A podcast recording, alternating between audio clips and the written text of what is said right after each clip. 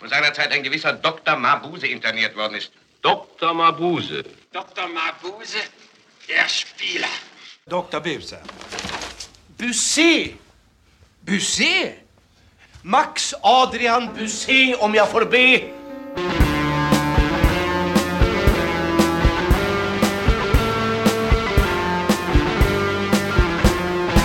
Hej och välkommen till Demonpodden! Podden där vi nu för tiden talar om flera olika varianter av en och samma filmiska historia. Typ. Jag heter Kalle Färm och med mig som alltid har jag Olof Ekström. Hej! Och Björn Waller. Schönen Abend. Ingen Aron Eriksson denna vecka, men vi har ersatt honom med en något gott så väl.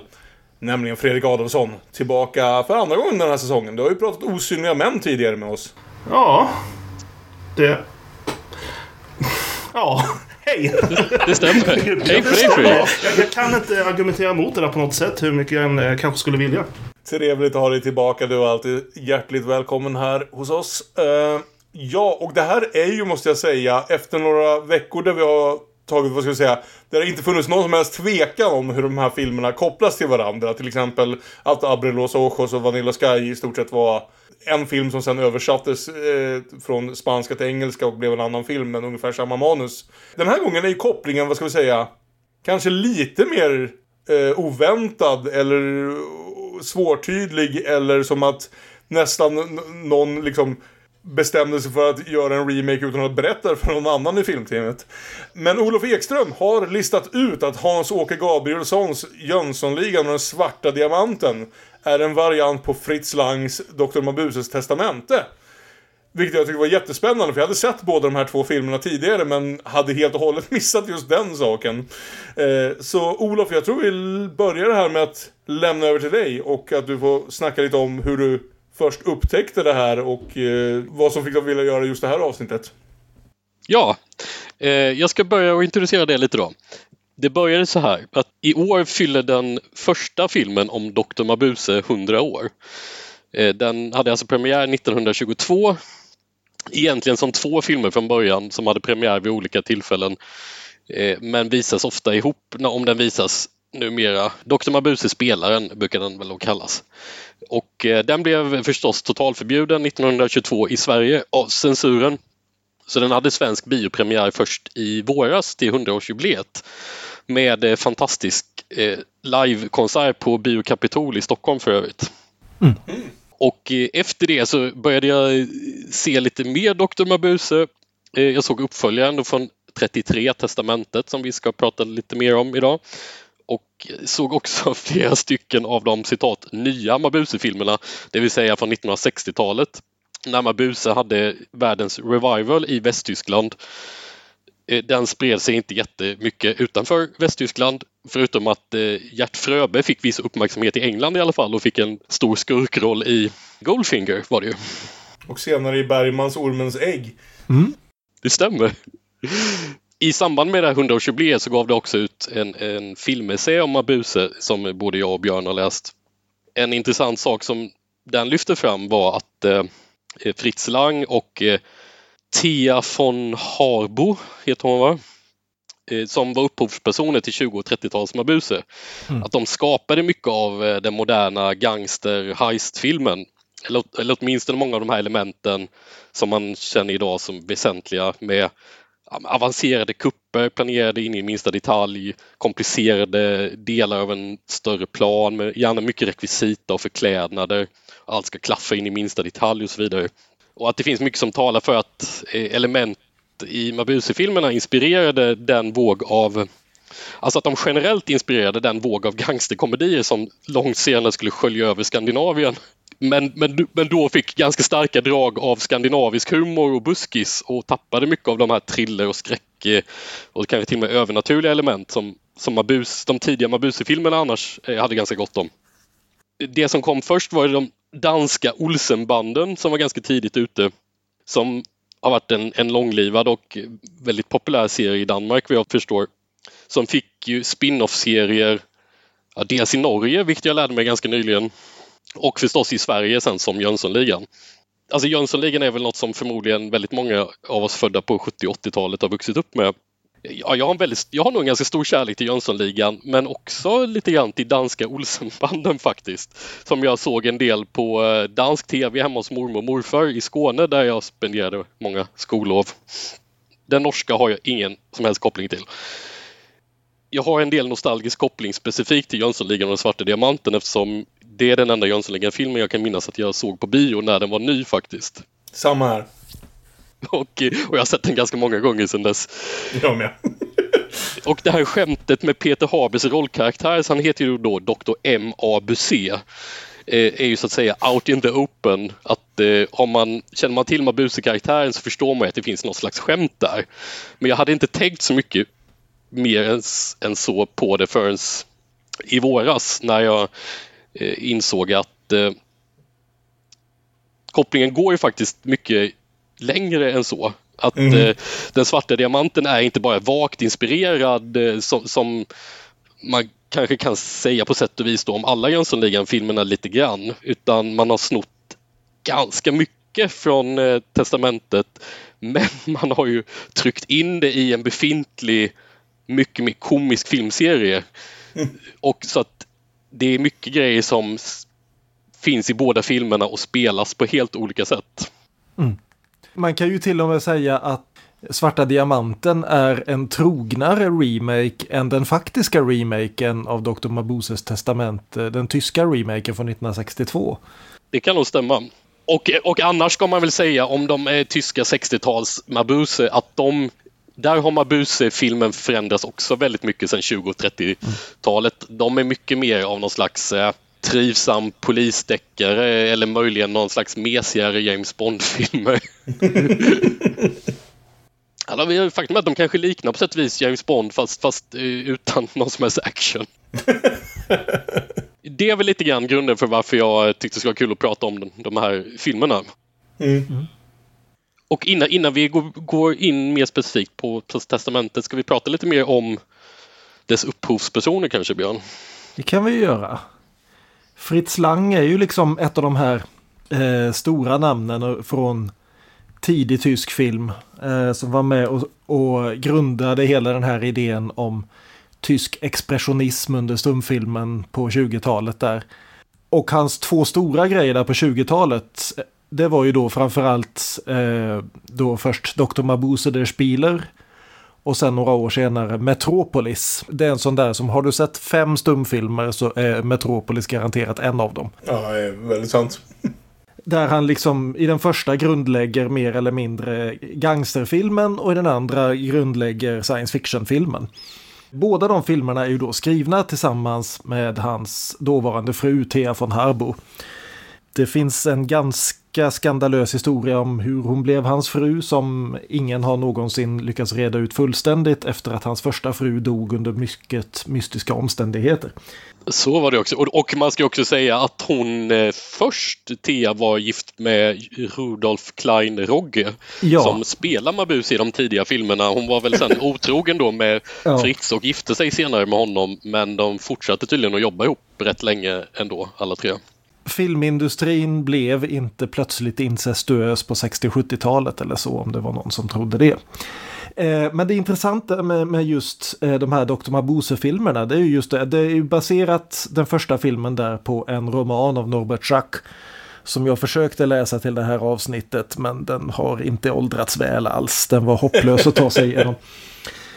Det intressanta är just att det här är tyskt 20-tal, alldeles kort efter första världskriget, mitt i den här hyperinflationen, mitt i att Weimarrepubliken håller på att kajka ur fullständigt och det är tio år innan nazisterna ska komma till makten.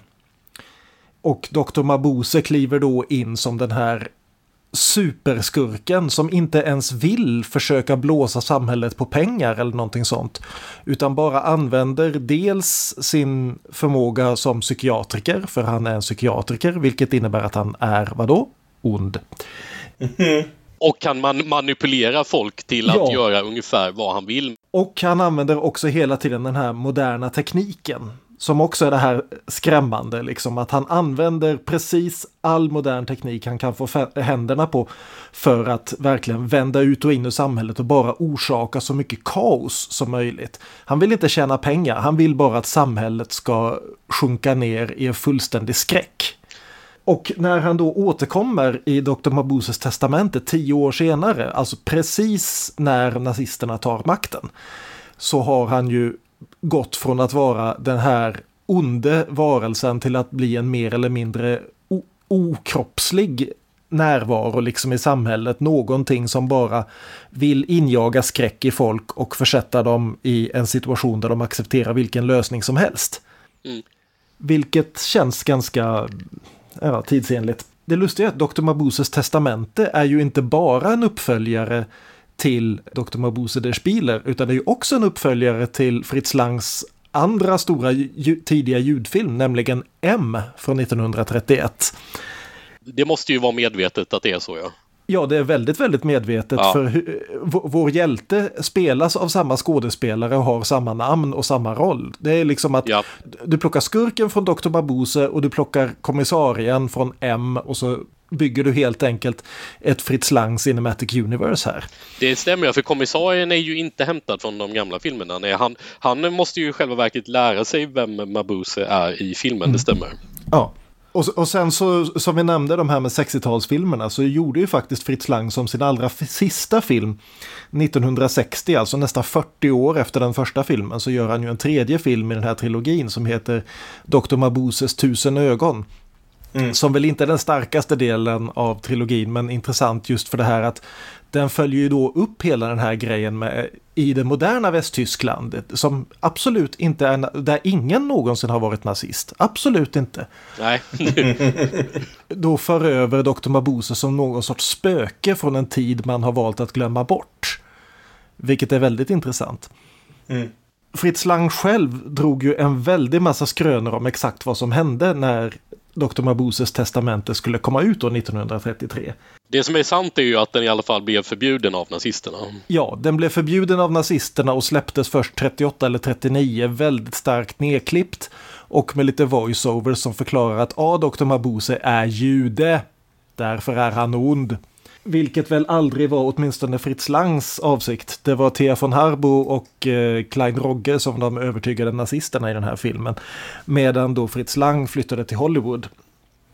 Många, många år senare så drog han själv en historia om hur han blev uppkallad till Goebbels och tillsagd att vi måste klippa bort de här scenerna men om du låter oss göra det, herr Lang, så kommer vi att utse er till första propagandafilmare i det nya tusenåriga riket.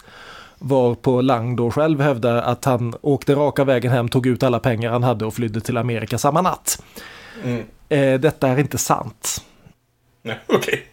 Det finns inga bevis för att det här mötet ägde rum och Fritz Lang åkte absolut inte till Amerika samma natt utan han höll på att pendla mellan Hollywood och Tyskland hela 1933. Men eh, så mycket var säkert i alla fall, han var inte alltför förtjust i att jobba åt nazisterna. Nej. Är det här den sis- sista tyska filmen han gör innan sin övergång? Ja, det måste det väl ändå vara. Just det. Ja, men eh, om vi går över till vår gäst då. Fredrik, eh, vi kommer komma till Jönssonligan senare, men har du något förhållande till Fritz Lang eller Dr. Mabuse från tidigare? Eller var det här nya bekantskaper? De är bekanta sedan tidigare så, så tillvida att jag, jag är väldigt förtjust i, i Fritz Lang. Även om jag inte sett eh, långt så mycket som jag skulle vilja göra. Och det är alldeles för länge sedan jag såg M. Eh, men jag var ju och såg eh, Der Spieler eh, i, i våras på, på, på bio. Fan vad avis jag blir. Jag, jag har sett den ska jag säga, men det var 12 år sedan på, på någon streamingtjänst. Så eh, den här upplevelsen låter speciell och spännande. Det var det. Alltså att se den ja, precis, i bio på stor duk med, en, med en orkester med levande musik. Ja, men det är alltid en speciell upplevelse. Alltså bara att, bara att se stumfilm live med piano är, är, är fint. Men när det kommer, när det, när det är liksom en hel orkester som, som stämmer in, ja, det är, det är något speciellt. Men eh, jag såg den och jag älskade den. Och, eh, men eh, Testamentet hade jag inte sett tidigare utan det här var, det här var första gången för mig. Och ja, jag gillar den som fan. Spännande. Ja, för det är ju spännande med det här på flera olika vis egentligen. Dels att som sagt de här två filmerna är varianter av varandra, men dels också att de båda två redan ingår i väldigt, vad ska vi säga, etablerade franchises är väl fel ord, men filmserier i alla fall.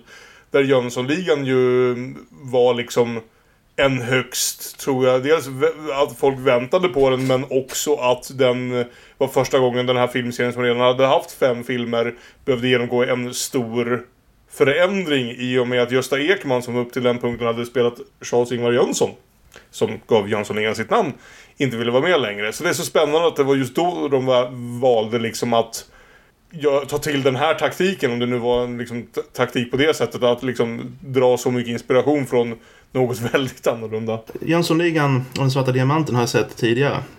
Inte för att gå händelserna i förväg, men, och jag var inget större fan av det nu. Men med det sagt så, så kändes, då, alltså, så kändes eh, Mabuses testamente som ett eh, ja, men rätt perfekt eh, eh, film att, att, att spinna vidare på utifrån de förutsättningarna som redan fanns med, med Charles och hans, Charles Ingvar och hans historia med mentala, mental ohälsa.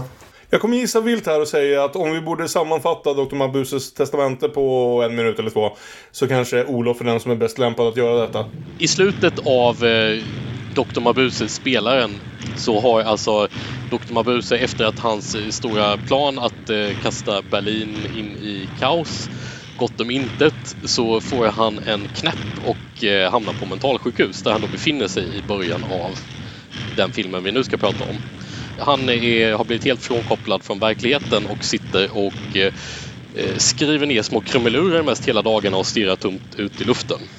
Hans behandlande psykiatriker, som även i den här filmen är en skum typ, han har gjort eh, lite av en karriär på att studera Mabuse och föreläsa om honom och kanske grävt ner sig lite för djupt i detta brottsliga testamente som han inser att Mabuse håller på att, eh, att det är de krumenurerna han håller på att skriva ner på dagarna.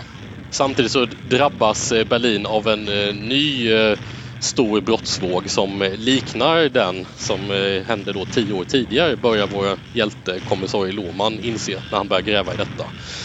Och eh, försöker då utreda vad kopplingen är egentligen mellan alla de här konstiga händelserna och attentaten och falsk mynteri och annat som äger rum runt i staden och koppl vilken koppling det egentligen har till Mabuse och eventuellt hans skumme psykiater. Jag tycker den här filmen är så intressant måste jag säga. För att när jag kommer in i den, det känns som en modern franchisefilm i det här att man slängs verkligen med rätt in i mitten av allting. Filmen har inte så mycket liksom för sig med att presentera de här olika karaktärerna för oss. Utan du får fan liksom försöka hänga på och hänga med på vem som är vad och eh, vad de har för förhållande till varandra och sådär. Mm. Det finns inte några många sådana här presenterande scener av möjligen att kommissarie Låman presenteras hyfsat tydligt. Och i stort sett nästan i samma scen som finns i Jönssonligan. Men att man är lite mer lost om man inte har sett spelaren kanske? Det är exakt vad jag skulle säga, för jag har som sagt inte sett spelaren på 12 år. Och jag har inte sett den här, då såg jag de två typ samtidigt. Så jag hade inte sett den här heller på 12 år. Eh, och hade inte sett Jönssonligan på 25 år. Så eh, jag kom in och det tar mig lätt en halvtimme innan jag är helt med. Ah, det är han som fyller den rollen och det där är den snubben och sådär på det sättet tycker jag att den känns nästan lite modern. Jag säger inte nödvändigtvis det här som en kritik utan bara som att man får fan hänga med i svängarna när Fritz Lang gör film på 30-talet och ibland undrar jag det är ju en film som så, många andra börjar med en sån här restaureringsskärm där de säger att det här är, vi har gjort det bästa vi kunnat för att återställa eh, originalfilmen. Vi hoppas vi lyckades mer eller mindre. Det finns ju en känsla av att det kanske var en längre film eh, om Fritz Lang hade fått precis som han ville. Jo, men samtidigt så har ju filmen ändå en scen ganska tidigt i början som är i princip att de sitter ett gäng poliser runt ett bord. Men verkar inte det här väldigt mycket som Dr. Mabuse? Dr. Mabuse, det ringer en klocka någonstans. Kan du förklara vad det gick ut på? Ja, nu ska jag summera första filmen här på två minuter. ja, det är väldigt sant. Det är nog mer alla de här olika gangsterkaraktärerna. Det är ungefär fem olika gangster som vi på något sätt ska kunna hålla isär från varandra. Mm. Och som fyller lite olika roller i den kriminella organisationen och som man verkligen inte får det så skrivet på näsan för sig precis vad det är. Jag såg eh, filmen med en kompis som varken har sett eh, eh, Der Spieler eller eh, är, speciellt van vid alltså, gammal, eller film från den här tidsåldern och äldre. Eh, och jag fick nog intrycket att det var mer ja, men svårt att komma in i det på grund av tidsåldern än, än på grund av att han inte hängde med i handlingen och sådär. Att det Mm. var ett, kanske ett lite större problem. Precis, det är ju såklart en vanlig sak i hur det är. Och, men grejen är också så här att jag skulle inte säga att jag har det här problemet på något sätt med 30-talsfilm generellt eller ens liksom tysk film generellt. Däremot kanske möjligen med Fritz Lang, för jag måste säga att sist jag såg om M kände jag lite samma sak i första halvtimmen av den. Så jag tror det är en väldigt typisk Fritz Lang-grej som jag liksom inte... Och som sagt, inte ens nödvändigtvis kritik. Bara att jag, mer än med många andra filmmakare från samma tidsålder, inser att jävlar, jag nu måste hänga med i svängarna. Och vad sa de precis där och vad hände precis här? Det är liksom, det är inte för, för slötittare någonstans. Men samtidigt så är det ju inte heller så att filmen ber dig hålla reda på exakt det där är eh, Vanheden och det där är eh, Dynamit-Harry och det där är Rocky. Jag hade inga problem med att hålla reda på Dynamit-Harry och Manheden ska jag säga. De är inte tänkta att vara liksom ett stort persongalleri de här utan eller de, de är väl tänkta att vara personligheter men det är ju inte i första hand skurkarna vi följer. Det är ju det som är den stora skillnaden här egentligen mellan de två filmerna. Att i den ena så är det, är det kommissarien som är huvudrollen därför att han är ändå på jakt efter en ond människa. Medan i den andra så förväntas vi sympatisera med skurkarna och då är det skurkarna som är de som får lite mera eh, personlighetsutveckling. Ja, du menar Jönssonligan nu, jag säger det är skurkarna vi ska sympatisera med, absolut. Ja. Och, och här så har du ju liksom, du har ett ganska färgglatt eh, kompani skurkar, men det är egentligen bara två eller tre av dem som du förväntas känna igen som personer. De andra är liksom han den där brede och han den där långe. Det är ju han Kent som ska någonstans liksom stå bredbent mellan båda de här världarna. Och dessutom har ett kärleksintresse, vilket han är ensam om i den här filmen. Som ska göra honom till den mer sympatiska av alla skurkarna någonstans. Tyvärr då är ju det som eh, gör honom mer sympatisk är att eh, visserligen har han liksom alla sina kumpaner eh, mördat ett par personer men i hans fall så var det bara hans otrogna fru och hennes älskare så att det var inte så farligt. Det är det som ska humanisera honom. Det, det kanske är lite jobbigt. Ja, nej men det, det, han är ju i princip eh, Andy Dufresne innan twisten i eh, Nyckeln till frihet. Tänkte jag också på. Precis. Eh, ja, jo, det jag tänkte komma fram till att det andra som är mest spännande egentligen i båda de här filmerna och jag vet inte om det liksom finns någon, ska vi säga, bakom scenerna anledning till att eh, Dr. Mabuses testamente utspelas på det här sättet. Men det är ju att ta i stort sett huvudrollen, eller i alla fall centralfiguren i en tidigare film och nu gör honom till väldigt mycket av liksom en bakgrundskaraktär som folk pratar om och Ja. som så här, alltså, men, men som någonstans bara är inspirationen. För eh, det ska ju sägas att Rudolf Kleinroger som jag minns var en enormt imponerande skådis i Dr. Mabuse der Spieler och även i, i Fritz Langs andra 20-talsepos eh, Die Nibelungen där han spelar hunden Attila. Och i Metropolis inte minst. Ja, precis va. Han är ju en sån enormt dominerande skådis när han väl är med. Så det är ett jätteintressant val här att... För det är ju inte som att de inte kan göra en film om Dr. Mabuse för att de inte har Rudolf Kleinroger längre. För han är ju med i den här filmen. Men han är med i typ tre scener. Och är fantastisk i dem, men jo, samtidigt så är ju det lite grann filmens poäng. Och det är återigen en grej som skiljer dem väldigt mycket åt. Att Gösta Ekman är inte med därför att Gösta Ekman ville verkligen inte vara med. Han var så rutten på att spela komedi och eh, så rutten på att spela Charles-Ingvar Jönsson. Så han ville inte ens göra en cameo i två minuter. Medan däremot här så är ju poängen just det att If you strike me down I shall become more powerful och så vidare. Att genom att försöka knuffa undan Dr. Mabuse och spärra in honom så har du egentligen bara gjort honom, hans idéer mer mäktiga. Det, på sätt och vis så är ju detta en cyberpunk-film på så vis att det är... Nej men jag, jag menar allvar här. Do, do, Dr. Mabuses medvetande har förts över via hans skrift, via hans manifest till den som läser manifestet. Så istället för att vi bara behöver vara oroliga för en enda person så behöver vi nu verkligen vara oroliga för en idé som har gripit tag om hela samhället. 1933 i Tyskland.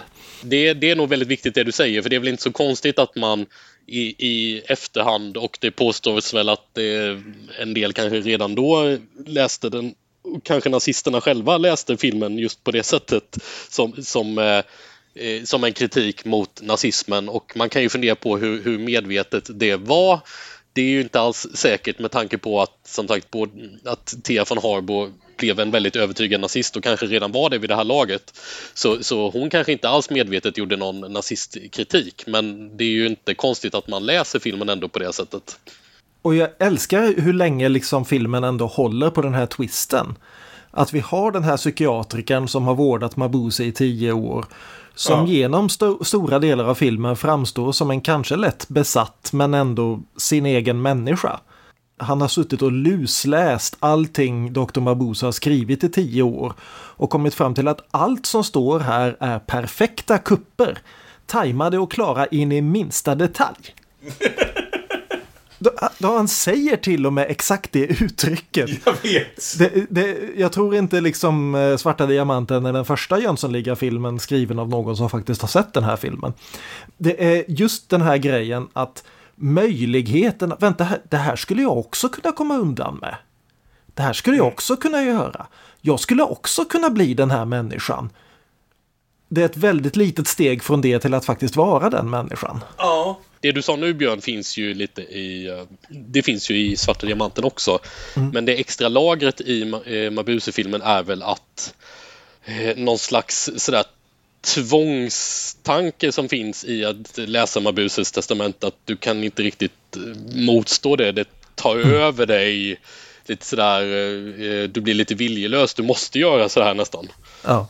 Nästan lite, ja, lite övernaturligt Ja, in, in, inte så lite eller? Nej, det är sant. Det finns till och med det finns någon scen som är, är ganska tydligt övernaturlig, det är sant. Vi ser ju till och med i en scen mot slutet Dr. Mabuses spöke lämna över en lunta av sina anteckningar till doktorn och sen sätta sig in i honom. Bokstavligt talat, via, via dubbelexponering. Ja, jag tänker det är väl de scenerna som förmodligen nazisterna eh, reagerade mest på. Kanske inte minst med tanke på att Hitler hade skrivit en liten bok Mm. Också för ett par år tidigare. Som några kanske såg som att ha en liknande effekt på en del av befolkningen. Ja. Jag tror att en av de här gångerna där jag blev så här, vänta nu, vem är den här snubben? Är kanske första gången när vi verkligen får en scen som är nästan likadan i båda filmerna. Nämligen den här när i Jönssonligan är den ena polisen. Men här är en annan doktor vill jag säga som kommer in och bara hittar de här anteckningarna från, mm. från Sickan eller från Mabuse på skrivbordet. Eh, bara för att eh, våra goda doktorer har varit lite klantiga och inte städat efter sig. Mm. Bara för att jag precis, jag ska säga jag såg dem i fel ordning om nu vill säga. Såg, jag såg Jönssonligan först. Och jag blev så här, jag bara antog att det här var en av poliserna för, för att det var det i den andra filmen antar jag. För att jag tycker inte att den här personen var riktigt presenterad någonstans utan jag mm. listade inte ut vem han var förrän en bit efter att han var död. Vilket är vad som händer därefter. Det, det hjälper att läsa undertexterna, Kalle. Hålla på sådär. Ja, alltså handlingsmässigt så är väl kanske den här filmen inte det starkaste kortet. Det är en sån här riktig gangsterkonspirationshistoria där väldigt mycket av handlingen går, folk springer fram och tillbaka och gör diverse kupper och det, det, är väl inte den tydligaste handlingen som någonsin har skrivits som man säger. Väldigt många av de här kupperna som eh, Mabuse beskriver i sitt testament och som ska genomföras en får vi veta har redan hänt genom diverse tidningsartiklar. Mm. Och en planeras precis för slutet av filmen. Medan istället liksom halva Jönssonligan-filmen får man säga är ju ändå att de försöker genomföra de ja. här kupperna.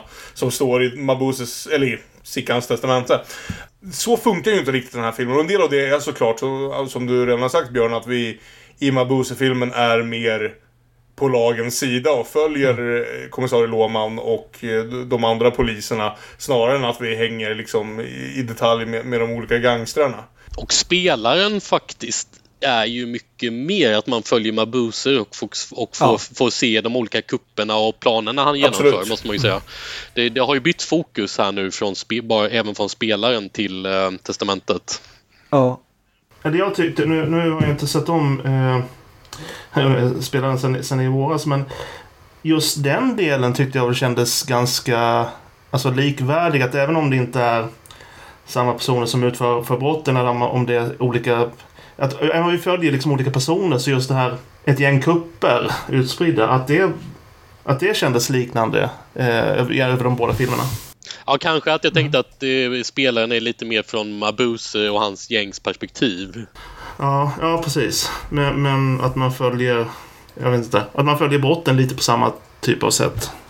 Ja. Eh, sen tycker jag en av de stora bristerna i filmen, det är just det här med skillnaden i hur poliserna målas upp.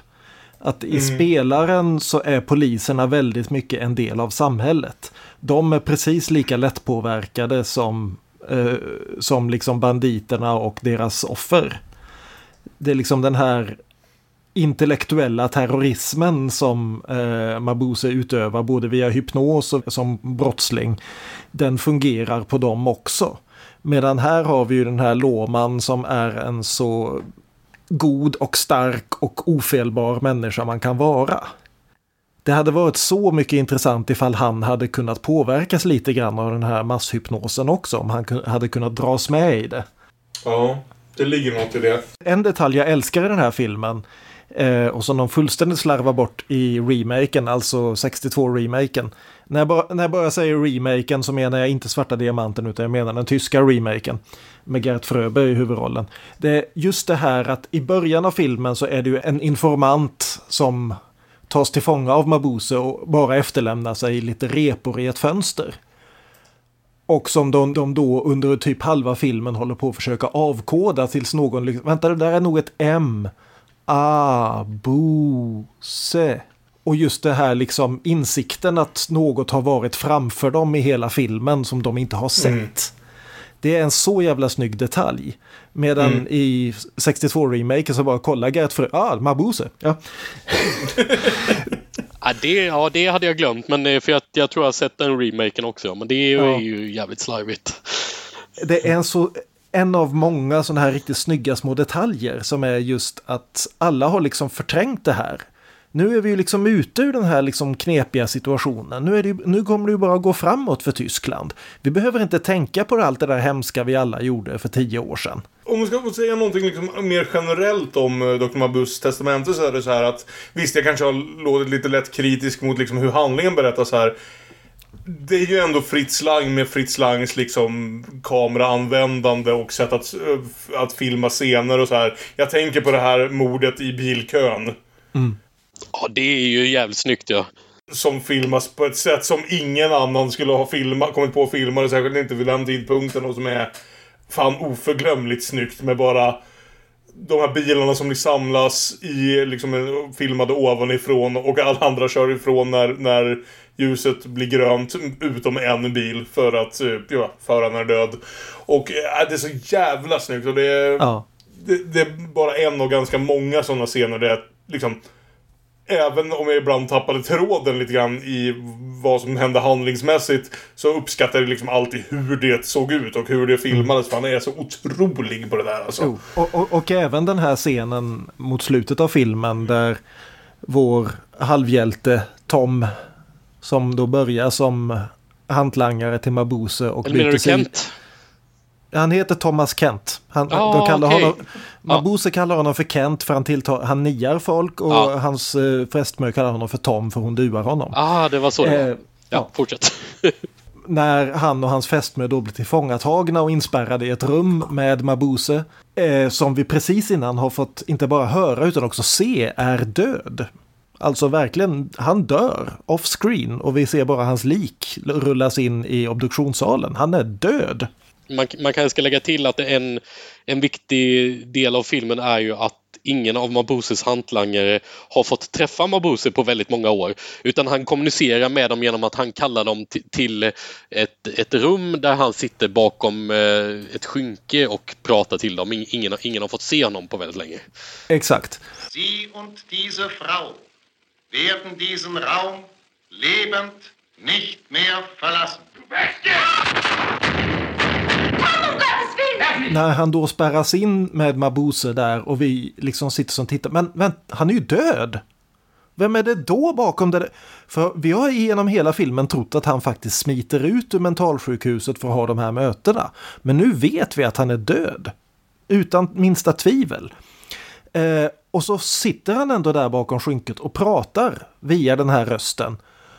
Och Tom river upp sin pistol och tömmer magasinet genom skynket rakt in i hans siluett och river ner skynket. Och där finns bara en urklippt siluett och en fonograf. Just det här insikten att Mabuse behöver inga sådana här fånigheter som en fysisk kropp. Han är något annat nu. Mm. Sen att det här går över i en scen som det snällaste man kan säga om den är väl att den är något mindre fånig än exakt samma scen sen i Svarta Diamanten. Där de då blir instängda i det här rummet med en tickande bomb och ska sitta där i tre timmar och vänta på att explodera och löser det genom att släppa in en massa vatten i rummet. Jag tänker att det här måste vara toppen för actionfilm 1933 dock. Ja, men det, det är, det är sån här riktigt dum bondskurksfälla som bara är ja. liksom, bara skjut honom herregud. Det här eh, liksom användandet av hur lätt man blir lurad av den moderna tekniken. Vi får tänka att det är 1933. Ljudfilmen är något helt sprillans nytt. Ja, och det tycker jag märks väldigt mycket i den här filmen måste jag säga. Att den eh, på gott och ont eh, känns lite som, alltså man märker att stilen har ändrats sen den första Mabuse-filmen va. Mm. Liksom många regissörer av den här eran kan jag väl ibland känna att Fritz Lang har en väldig kontroll och koll på bildspråket men kanske inte riktigt lika mycket på... Det, det är ju talande till exempel hur lite inte bara Fritz Lang utan väldigt många filmskapare under eran valt att använda sig av musik. Det är ja. många, många långa scener där det bara är helt tyst. Jo. För ljud sparas till dialog eller ljudeffekt, eller väldigt ja. tydliga ljudeffekter. Jag tänkte bara säga att jag, jag gillar det. Jag, jag tyckte att Ja, nödvändigtvis inte att, att det fungerade till 100% hela vägen men, men ljudet var en av grejerna som jag genomgående verkligen, verkligen gillade med, med den här filmen. Alltså både hur han använder ljudet, vare sig det är dialogen eller musiken eller, eller ljudeffekterna. Eller hur han använder frånvaron av det. Så att det verkligen kändes som att hans historia som... Att han även nyttjar sin historia som stumfilmsregissör på ett, på ett snyggt sätt. Även in i ljudfilmen. Det kanske gjordes lite bättre i M, men, men jag tycker fortfarande att det var många gånger i den här filmen som jag eh, kände mig smått hänförd. Och det är ju lite grann samma knep han använder här som han använde i M, just att identifiera någon på en melodi de hela tiden visslar. Att han här använder det här knepet att vi tror att vi hör Mabuse prata. Genom hela filmen har vi trott att vi hört Mabuse prata därför att vi hör rösten och vi ser siluetten och vi tar för givet att det är Mabuses röst. Vi reflekterar inte ens över det att det är inte Rudolf Klein Roggen som pratar. Därför att vi har inte hört hans röst egentligen någonsin antagligen. Nej, just det. Utan det är ju Oscar Beregi som professorn som har gjort Mabuses röst genom hela filmen. Och det här får till och med en förklaring i dialogen när kommissarien kom på, ja men det är klart, det har gått via en usel jävla högtalare. Det är klart att du inte kände igen hans röst.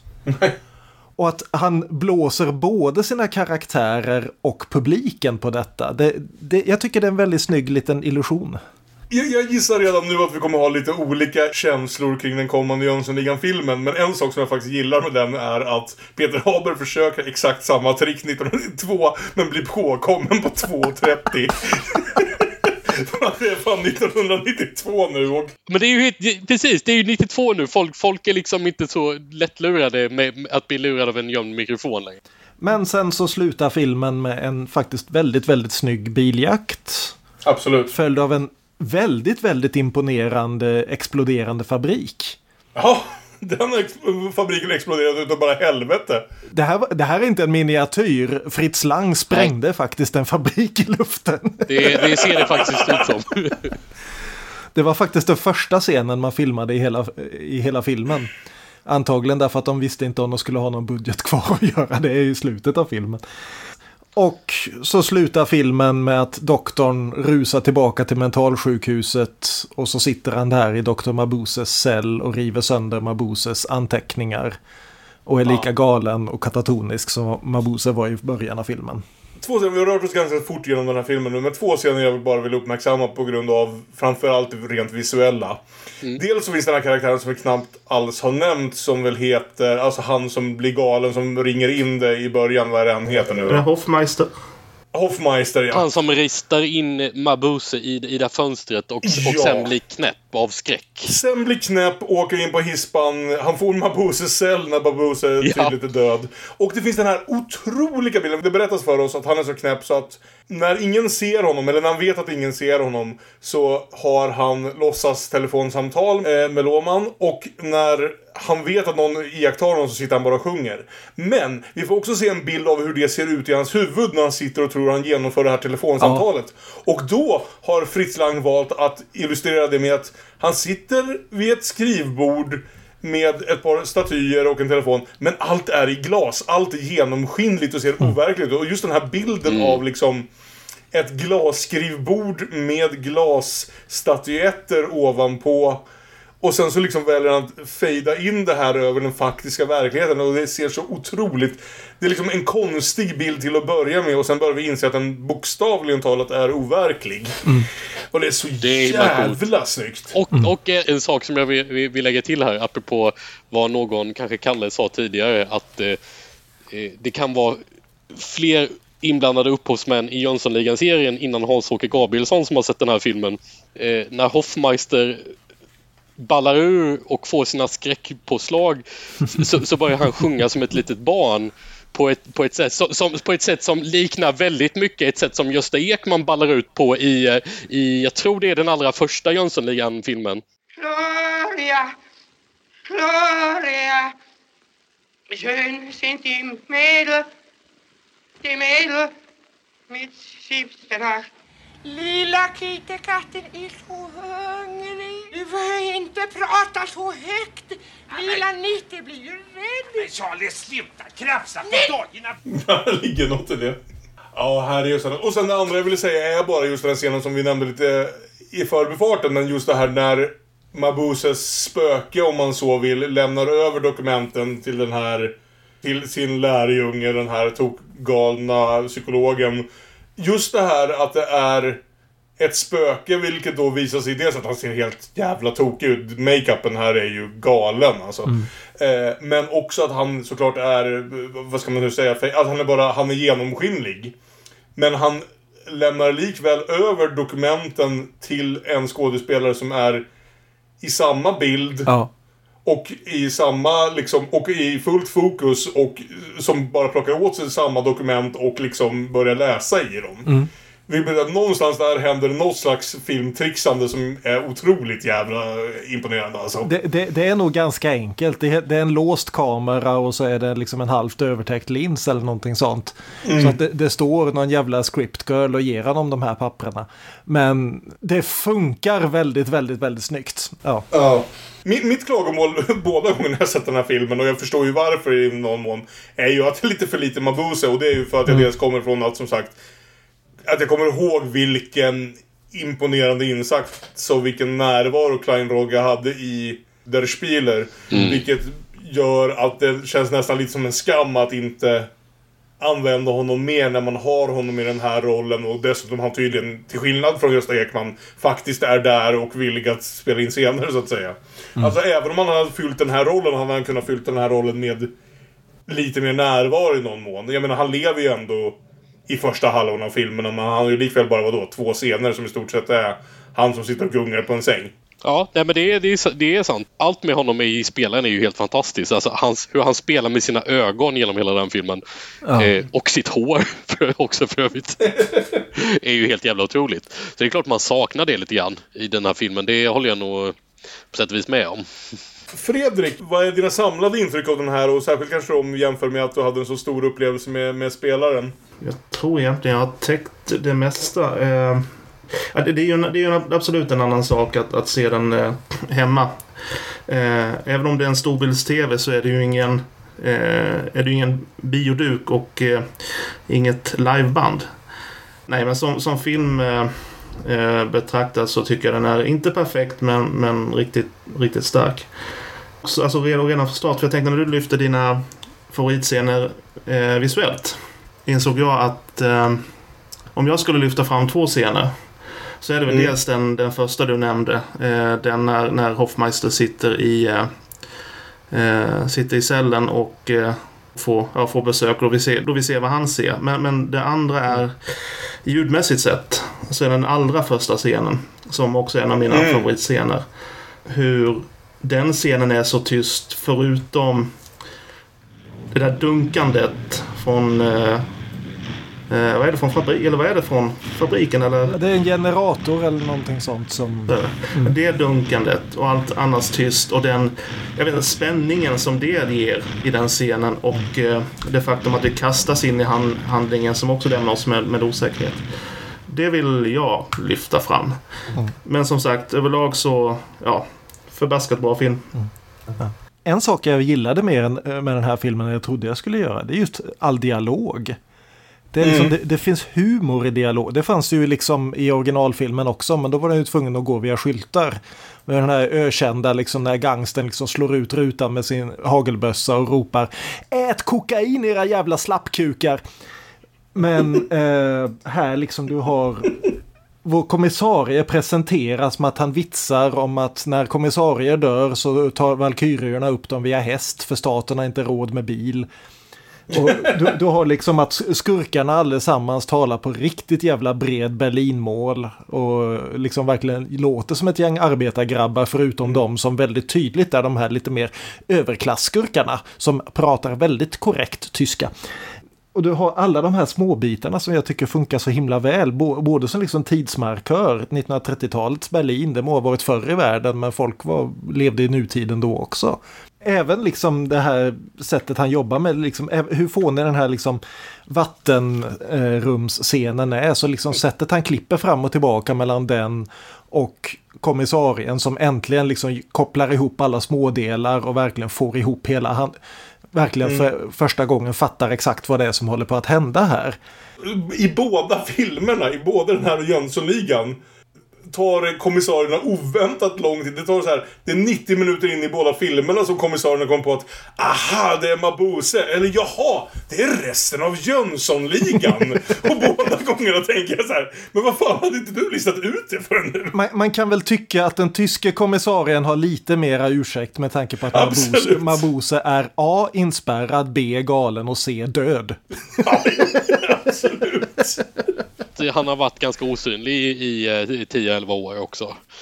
Eh, får vi ju ändå förklarat för oss. Ja. Det, det kanske är lite konstigare i Jönssonligan. Fast Jönssonligan är väl det, det är väl lite grann av ett stående skämt också att man misstänker Jönssonligan men man fattar ändå inte att det är Jönssonligan på något sätt. Mina minnen av Gösta Ekmans Jönssonligan-filmer är extraordinärt vaga.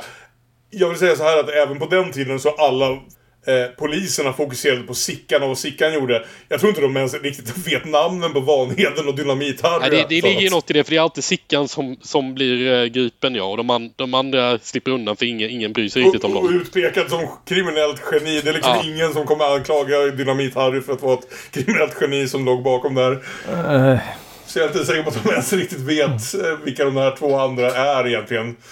Jaha, det är den dumma snubben och den där killen med hatten. Eh, Men, men, men, men vi kommer dit alldeles Ja, strax. det gör vi snart. Eh, Men vi kanske ska avsluta Mabuse där då. Jag skulle bara vilja fylla in någonting som eh, i det som Björn sa nyss.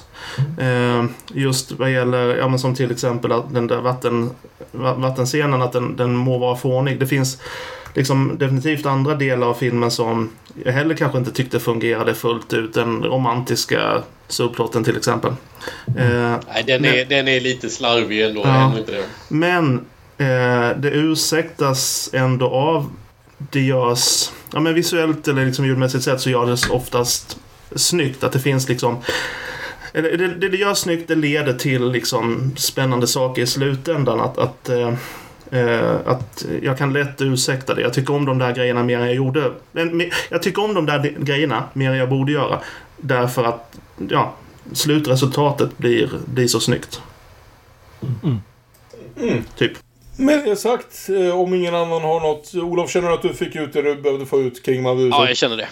Ja, då tar vi en liten paus och så återkommer vi med Hans-Åke Gabrielssons Jönssonligan och den svarta diamanten.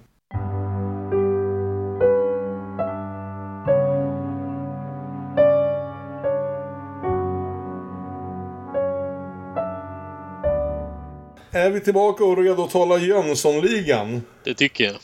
Vi måste väl någonstans börja lite känner jag innan vi kommer in på kopplingarna mellan just Jönssonligan och svarta diamanten och eh, Dr. Mabuses testamente.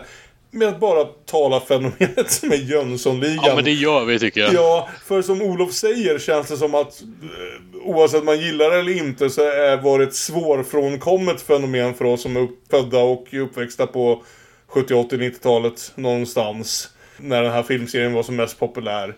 I- Om vi inte räknar in reboots och eh, va- olika varianter eller så, så handlar det ju egentligen om sju filmer från 1981 till 1995 som alla har gemensamt att Ulf Brunnberg spelar huvudrollen, vilket man ju kan tycka olika saker om. 2000 kom det väl den också va? Och fan, finns det en till som jag bara har helt har förträngt? Ja. Jaha, för det, för det var ju den här vi ska prata om med Peter Haber och sen var det en med Stellan Skarsgård som jag faktiskt inte tror att jag har sett när jag tänker efter. Jo, sen var det en med Johan Ulveson. Exakt. ja, just det. Jag har helt förträngt att det här hände. Lika bra kanske, men... Förlåt mig, jag korrigerar. Åtta filmer från året 1981 till år 2000 i den här originaluppsättningen om man så vill. Ja. Och, och så di- diverse juniorfilmer som jag har lite vag uppfattning om. Ja, och också nu två nyare Två varianter. stycken reboots, va- varav eh, åtminstone den första rebooten är en riktig rökare, eh, tycker jag. Jag vill säga att Fredrik Adolfsson håller med om den saken. Eh, det gör han. Och det grövsta. Ja, det är bra Fredrik. Eh, jag har inte sett den andra rebooten än. Kanske gör jag det någon dag. Men jag var lite besviken på att de inte fortsatte på den första rebooten. Jag, jag började se på den andra rebooten och ska väl se klart den någon dag. Men, men eh, av, av, de, av de 20 minuterna, 20-30 minuterna jag såg så, så är väl... Ja, vad är ordet jag söker? Alltså bland. Alltså det finns inget som utmärker den som en Jönssonligan-film. Det är platt. Ja. De tidigare filmerna är, är, är ju... Dels är de väl rotade en del i den här eh, heist-filmstraditionen som både går tillbaka då kanske till tysk 20-30-talsfilm men såklart också en massa amerikanska filmer och, och kanske franska också som började komma på 50, 60, 70-talen. Sådär. Men också ganska starkt förankrade i svensk eh, komedi, buskis, tradition. Absolut. Lite, lite Hasse och Tage, lite så här, eh, kanske Lasse Åberg-stuket också. Jag tänkte precis säga det, för det är ju en av två filmserier tillsammans med Sällskapsresan där du vet du kan gå in i vilket rum som helst, eller alltså vilken fest som helst i Sverige i stort sett och dra en referens till antingen någon av Gösta Ekman Jönssonligan-filmerna eller en Sällskapsresan. Och 90% av människorna i rummet kommer fatta vad du menar. I, I bägge fallen skulle jag säga de tre första filmerna. I bägge serierna. Efter det tror jag liksom, kommer du in och drar en replik från Svarta Diamanten så tror, eller från, eh, eh, vad, vad fan heter den, liksom den ofrivilliga golfaren. Så vet jag inte om någon faktiskt hakar på dig på samma sätt. Ja, nej, jag, jag tror det sträcker sig genom Gösta Ekman-eran av Jönssonligan i alla fall. Ja, Ofrivillig golfaren var... Ofrivillig golfaren var en stor film. Det var rätt många som, den var rätt stor när den Men kom. hur många ser om den? Hur många tittar på den varje gång den går på SVT? Hur Ja, den är ju, det är ju ingen snowroller, det är ju Nej. jävligt sant. Det är snowroller om man vill åt. Som står som, som guldmedaljen i den här samlingen av, av klassisk svensk komedi. Alltså Gösta Ekman-filmerna har ju något särskilt. Han gör ju eh, stor komik av den här rollen, Gösta Ekman. Jag, har alltid, jag har alltid gillat det. Sen pikade det väl för min del med Svarta Diamanten. Som jag gillade väldigt mycket när den kom, trots avsaknaden av Gösta Ekman och har sett om flera gånger. Men ändå så dog det väl lite grann mitt Jönssonligan-intresse där efter det då eftersom jag nog, all, nog aldrig har sett Stellan Skarsgård-filmen. Och inte Johan Ulveson-filmen som tydligen Inte finns. sett Johan Ulveson-filmen heller. Nej, jag visste om att den fanns när jag tänkte efter. Mm. För, för min del så är det passande just apropå Snowroller då att om jag skulle göra ett stapeldiagram över alla Jönssonligan-filmerna och hur många gånger jag sett dem så skulle det vara en slalombacke.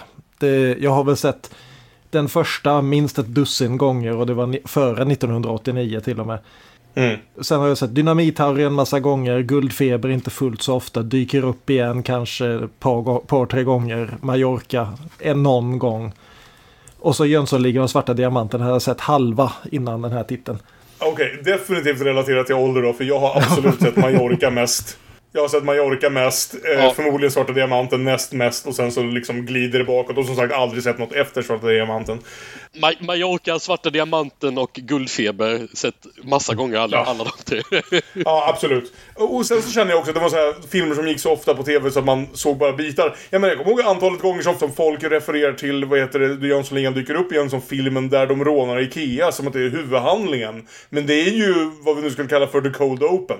Ja. Första fem minuterna och sen handlar faktiska filmen om något helt annat. Men jag, jag, tror, jag tror den blev extra minnesvärd därför att bara några veckor efter att filmen ju, gick upp så var det ju några som gjorde exakt den kuppen på Ikea i Kållered tror jag det var. Just ja. Gjorde verkligen liksom precis samma är grej det som... Ja, de, Ja. de rippade filmen 100% och kom undan med en massa pengar. Det får man ju ändå beundra lite grann. Ja, Det är chutzpah i, i att, att, att kopiera en film på det sättet. ta Jöns, en sån här liksom heistfilmsgrej och tänka men vi gör det på den värsta varianten av det, liksom det sämsta Ikeat. Det är liksom, om man ska göra Oceans Eleven men du åker till, du vet, the outskirts of Reno och försöker göra samma sak. Kanske det skulle funka där med. det här är ju också en del av klassisk svensk liksom. För vi hade ju utöver att du har hela den här buskistraditionen som går in i det här så har du ju också den svenska liksom deckartraditionen som går in i det. Det är ju ingen slump att liksom Ja två av liksom det enda, den enda som kunde ersätta eller vi kommer väl diskutera honom fast kan ersätta honom. Men de enda som kunde ersätta eh, Gösta Ekman i huvudrollen det var två stycken kommissarie Beck. Ja, Eh, och, och jag tänker också på det här som eh, Thomas Arvidsson som skrev enkelstöten och dubbelstöten. Apropå Björn Gustafsson i huvudrollen här då. Att han förklarade att han skrev de deckarna efter att han hade gått in på ett litet bankkontor i en mindre Stockholmsförort. Upptäckt hur usel säkerheten var.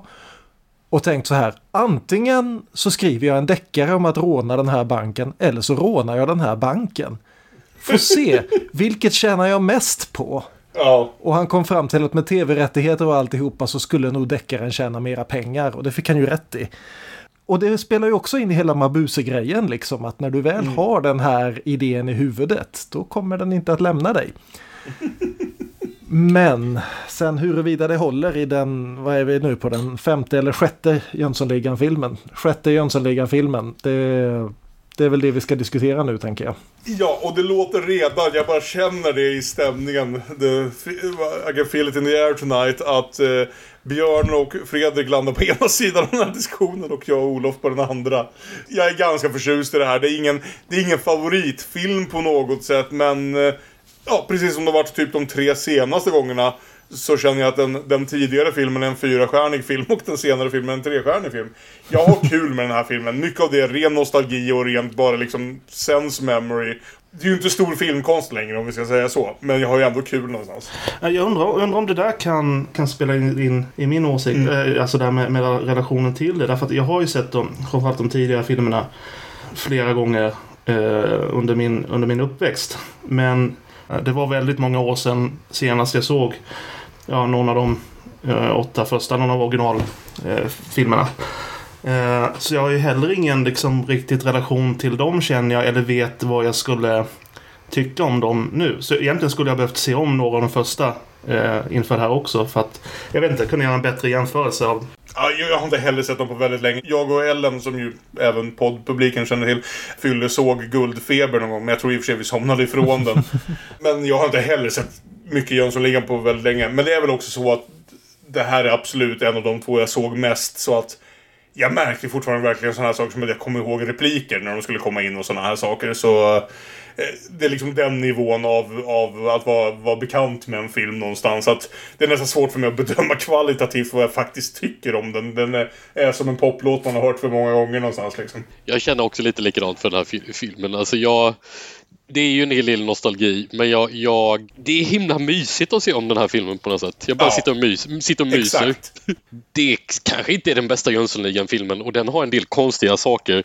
Låt oss bara direkt nämna att eh, för, för den här eh, avancerade planen i den här filmen så behövs det en eh, tioårig pojke Vi uppfinner att Dynamit-Harry har en tioårig son ihop med Doris som ingen har nämnt. Tekniskt sett behövs en radiostyrd bil och det var inte någon som tro, kunde tro att Vanheden skulle kunna styra en radiostyrd bil. Så- Och han har, han har liksom funnits hela tiden, men han har bott hos Doris mamma. Väldigt slött manusskrivande här. Någon på Sandrevs kom på att Ensam Hemma hade varit en väldigt populär film två år tidigare. Ja, det tror jag också. Vem spelar då denne tioårige son? Honom känner vi igen. Vi har diskuterat honom förut i den här podden. Nej, är det sant? Vem Det är? Elias Ringqvist som gjorde huvudrollen i Den goda viljan. Nej! Jo, Är det sant? Helvete, är det? ja, han som inte fick spela Sune därför att Bergman tyckte att det skulle ta, eh, liksom, ta tyngden ifrån hans roll som creepy child i Den goda viljan. Nej men gud vad roligt. Jag glömde helt bort det här. Och, och var hamnade han istället för Sune? Jo, han hamnade i Jönssonligan. Numera rappare. Livet går upp, livet går ner Men du är barnet, min framtid Förlåt om du är bra. Jag kanske inte ska ha den reaktionen. Han kanske är en- av våra stora musikaliska artister, men... Vi ska lyssna på dig sen nästan Sune. Veckans cover! Ska vi sammanfatta den här filmen bara jättekort på något sätt då? Jag tänkte bara börja först med att säga att den faktiskt är tillägnad redan i förtexterna Lang, Balling och Bas. Det är ju intressant, för, för Ball- Balling och Bas är ju två personer som har varit väldigt inblandade i många av eh, de danska... De är väl skap skaparna av Olsenbanden helt enkelt, rätt Ja, ner, tror jag. eh, och eh, skaparna av Mabuse-filmerna är ju egentligen Lang och van Harbo. Så eh, det kan ju finnas en medveten poäng i att inte nämna van Harbo eftersom hon blev en fullblodsnazist. Ja. Men, om, men om det är mer för att, hon in, för att hon är kvinna så är det kanske mer suspekt, för hon var ju i allra högsta grad en av upphovspersonerna. Men också att de, de var nästan tvungna att nämna Fritz Lang någonstans i förtexten när de skriver liksom manus av si och så efter en idé av si och så. och sen eh, tillägnad Fritz Lang. Ja. Det är samma jävla film. Det är faktiskt kul precis så mycket som är samma film. Men det kommer du kanske märka nu när Olof faktiskt får dra sitt synopsis då. När Vanheden och Dynamit-Harry eh, traditionsenligt, får vi väl se, säga då, efter de tidigare Jönssonligan-filmerna, eh, ska hämta ut Sickan från fängelset så finns han inte där. För han har tagits in på mentalsjukhus. Och då, där tar Sickan hand om Dr. M.A. Busé spelad av Peter Haber. Eh, som är en stressad och förvirrad doktor som har problem med sin exfru och sina finanser. Men som också förvaltar Sickans brottsliga testamente och har gjort en karriär på att föreläsa om eh, Sickan och hans brottsliga idéer. Medan Sickan själv då sitter i, isolerad i en cell och stirrar rakt ut i rymden och skriver ner små krumelurer hela dagarna. Det känner vi igen.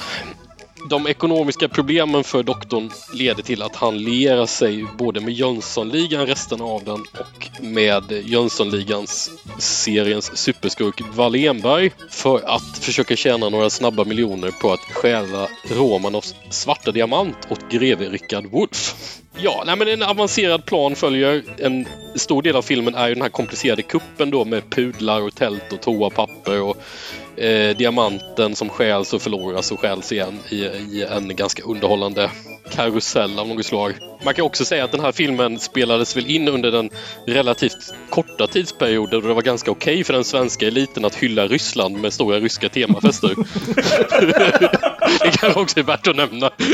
liksom efter, efter Sovjet innan Putin, liksom när det var okej att glamorisera Ryssland lite grann. Den enda tiden där någon sa Hörni, vi behöver bakgrundsmusik till det här. Tror ni Södra bergens balalaikor är tillgängliga? Jajamän! Ja, ja, det var fint. Pro- Progggruppen eh, bestående av 40 balalaikor och två gitarrer. Jag hade alltid nästan, tror jag, tänkt på det här som ändå nästan en av mina två favorit Jönsson-filmer. Jag tycker det är en ganska solitt underhållande film. Jag fick ju nästan mer uppskattning av den nu för att även fast jag hade sett båda de här filmerna tidigare hade jag aldrig dragit kopplingen. För jag såg dem vid väldigt olika perioder i mitt liv. Men det är ju lite kul det här. Alltså jag uppskattar verkligen här att liksom den... Det fanns ju ingen mer, vad ska vi säga, populistisk underhållning än Jönssonligan i Sverige på 1990-talet. Nej. Och att då där ta sån inspiration från någonting som väl ändå måste anses vara ganska liksom arthouse och lite nischat. Inte direkt något som varje man kände till. Det påminner lite om när en halv Kalle Anka pocket bara rätt upp och ner återberättade Frank Capras Lost Horizon från 1937. Det läste jag massor med gånger när jag var liten innan jag faktiskt sen såg Lost Horizon och bara Ja men det är ju den här Kalle Anka pocketen. Där har de filmat Kalle Anka Pocket 352. det ligger ju mycket i det, det du säger att det, det tog lång tid för mig eh, också att den här poletten trillar ner kopplingen med de här filmerna. Mm. Jag tyckte om Diamanten redan innan då på grund av hela nostalgin och det här men det gör ju någonting mer med filmen att kunna sitta och jämföra vad de, vad de gör med väldigt mycket samma manusmaterial. Och vi har, vi har kritiserat den här bombscenen i, i det vattenfyllda rummet tidigare. Den spelas ju väldigt mycket bättre i en fars alltså. Den scenen. Ja. Ä- Även om jag verkligen inte tycker den här filmen är särskilt bra alls. Någonstans egentligen. Eh, så, så gillar jag faktiskt den här liksom. Den, den blir faktiskt bättre av att se som en remake på Ja. Dr. Mabuse testamente tycker jag. Bara ta den här öppningsscenen då. Där de repeterar den här öppningsscenen. Det här liksom instängda källaren under den här generatorn. Verkligen scen för scen förutom att istället för att det är en stackars livrädd skurk så är det Vanheden och Dynamit-Harry som försöker blåsa ett skåp. Och just det här dunkandet visar sig vara en aerobicsklass i rummet ovanför. det, det är rätt snyggt faktiskt. Jag tror den här filmen kan vara bra. Just det är snyggt. Och att vi redan från början också slår fast att den här filmen är sponsrad av Åbro därför att varenda burk öl som Dynamit-Harry hittar, han får, inte dricka, han får inte dricka öl i hela den här filmen. De är verkligen liksom, så fort han får en burk öl i näven så tar de honom, den ifrån honom. Vilket väl, jag menar han är alkoholist, det är väl bra att han har ett stödsystem. Varje gång du ser en ölburk så är den från Åbro. Därför att det här är 90-talet och den svenska ölkulturen börjar så smått väckas upp från att bara vara Pripps Blå och inget annat. Och Åbro är de nya häftiga killarna på banan. Hey! Ja, skulle, du säga, skulle du säga att det här är en dålig film bestående av ett racka fantastiska scener? Jag, jag, jag skulle säga att det är en dålig film som har enstaka bra scener i sig. Därför att du har ändå liksom några väldigt talangfulla komiker någonstans. Och även om manuset inte är speciellt bra så lyckas de eh, oftare än vad man kunde hoppas så lyckas de lyfta det till något som går att titta på. Men, men jag, jag, jag tror att för min del så är det just nostalgin som verkligen gör att jag inte gillar den här filmen. Därför att jag gillar ju Sickan. Ja, det är klart. Jag Jo. gillar ju för fan Ja. Charles Ingvar Nej, men Jönsson. Jag, och jag hatar sättet den här filmen liksom bara, jaha, han har gått i barndom och kommer aldrig att prata igen. Jaha, ja men då kör vi nästa stöt då. Och det är så, låt åtminstone för fan hans äldsta vänner få något ögonblick där de, liksom, jag vet att det här bara är en fars. Men vi vet att både eh, Brunnberg och Gustafsson kan spela drama när de vill. Ge dem åtminstone en liten scen där de liksom dricker öl och minns Sickan eller någonting. Be- Fullt berättigad kritik. Eh, Det, Här kommer bakom scenerna in känner jag. För jag får ju bara känslan av att det finns ingenting Gösta Ekman hat. Alltså Gösta Ekman verkar aldrig vara en sån där jätterolig person att jobba med faktiskt. Av mycket av vad jag har hört. Verkar inte varit mycket han avskydde mer i sin karriär än att spela just Sickan. Jag får inte känslan av att det fanns liksom no, en i Love Lost mellan Gösta Ekman och resten av Jönssonligan-teamet. Vilket säkert liksom speglas i det här. För Gösta Ekman var ju inte den som inte kunde göra liksom små cameos eller bara små inhopp i saker och ting. För att han gillade. Han är ju med i, jag vill säga Adam och Eva-filmer och så här. Du vet att han verkligen bara dyker upp i 30 sekunder och gör någon kul litet inhopp. Bara en sån sak här, alltså ungefär det Rudolf Kleinrogge gör i Dr. Mabuses testamente. Hade ju det hade höjt filmen. höjt filmen. Ja. Och ska vi säga, det är exakt det Peter Haber gör i nästa Jönssonligan-film. Han är med i två scener för att sätta upp att nej, Stellan får ta över här. Men han är faktiskt med. Ja, ja. Varför blev det så här med Gösta Ekman och Jönssonligan då? Han, han, han var ju ändå med i rätt många filmer för att hata det så mycket då. Men Gösta Ekman valde ju under, i mitten av 90-talet där att helt och hållet upphöra med komedi. Han hade liksom, Ja. han hade varit den där rolige i 30 år liksom, drygt. Och jag tror Mm. han var hjärtligt trött på det. Han hade väl en del liksom personliga problem plus att han, han hade fått lite smak på att spela lite mer dramatiska roller och han liksom Men han blev bara typecastad som Papphammar slash eh, Sickan slash liksom allt det här. Eh, Och jag, jag tror han helt enkelt till slut sa nog med den här skiten. Jag, jag, jag orkar inte liksom en gång till. Mellan de här två senast, alltså mellan Jönssonligan på Mallorca och Jönssonligan och den svarta diamanten, han har ju dels gift sig med Marie-Louise. Vilket säkert liksom var, var någon slags skiftning i hans liv. Och även blivit castad som Martin Beck som jag, hur jag lärde känna honom först.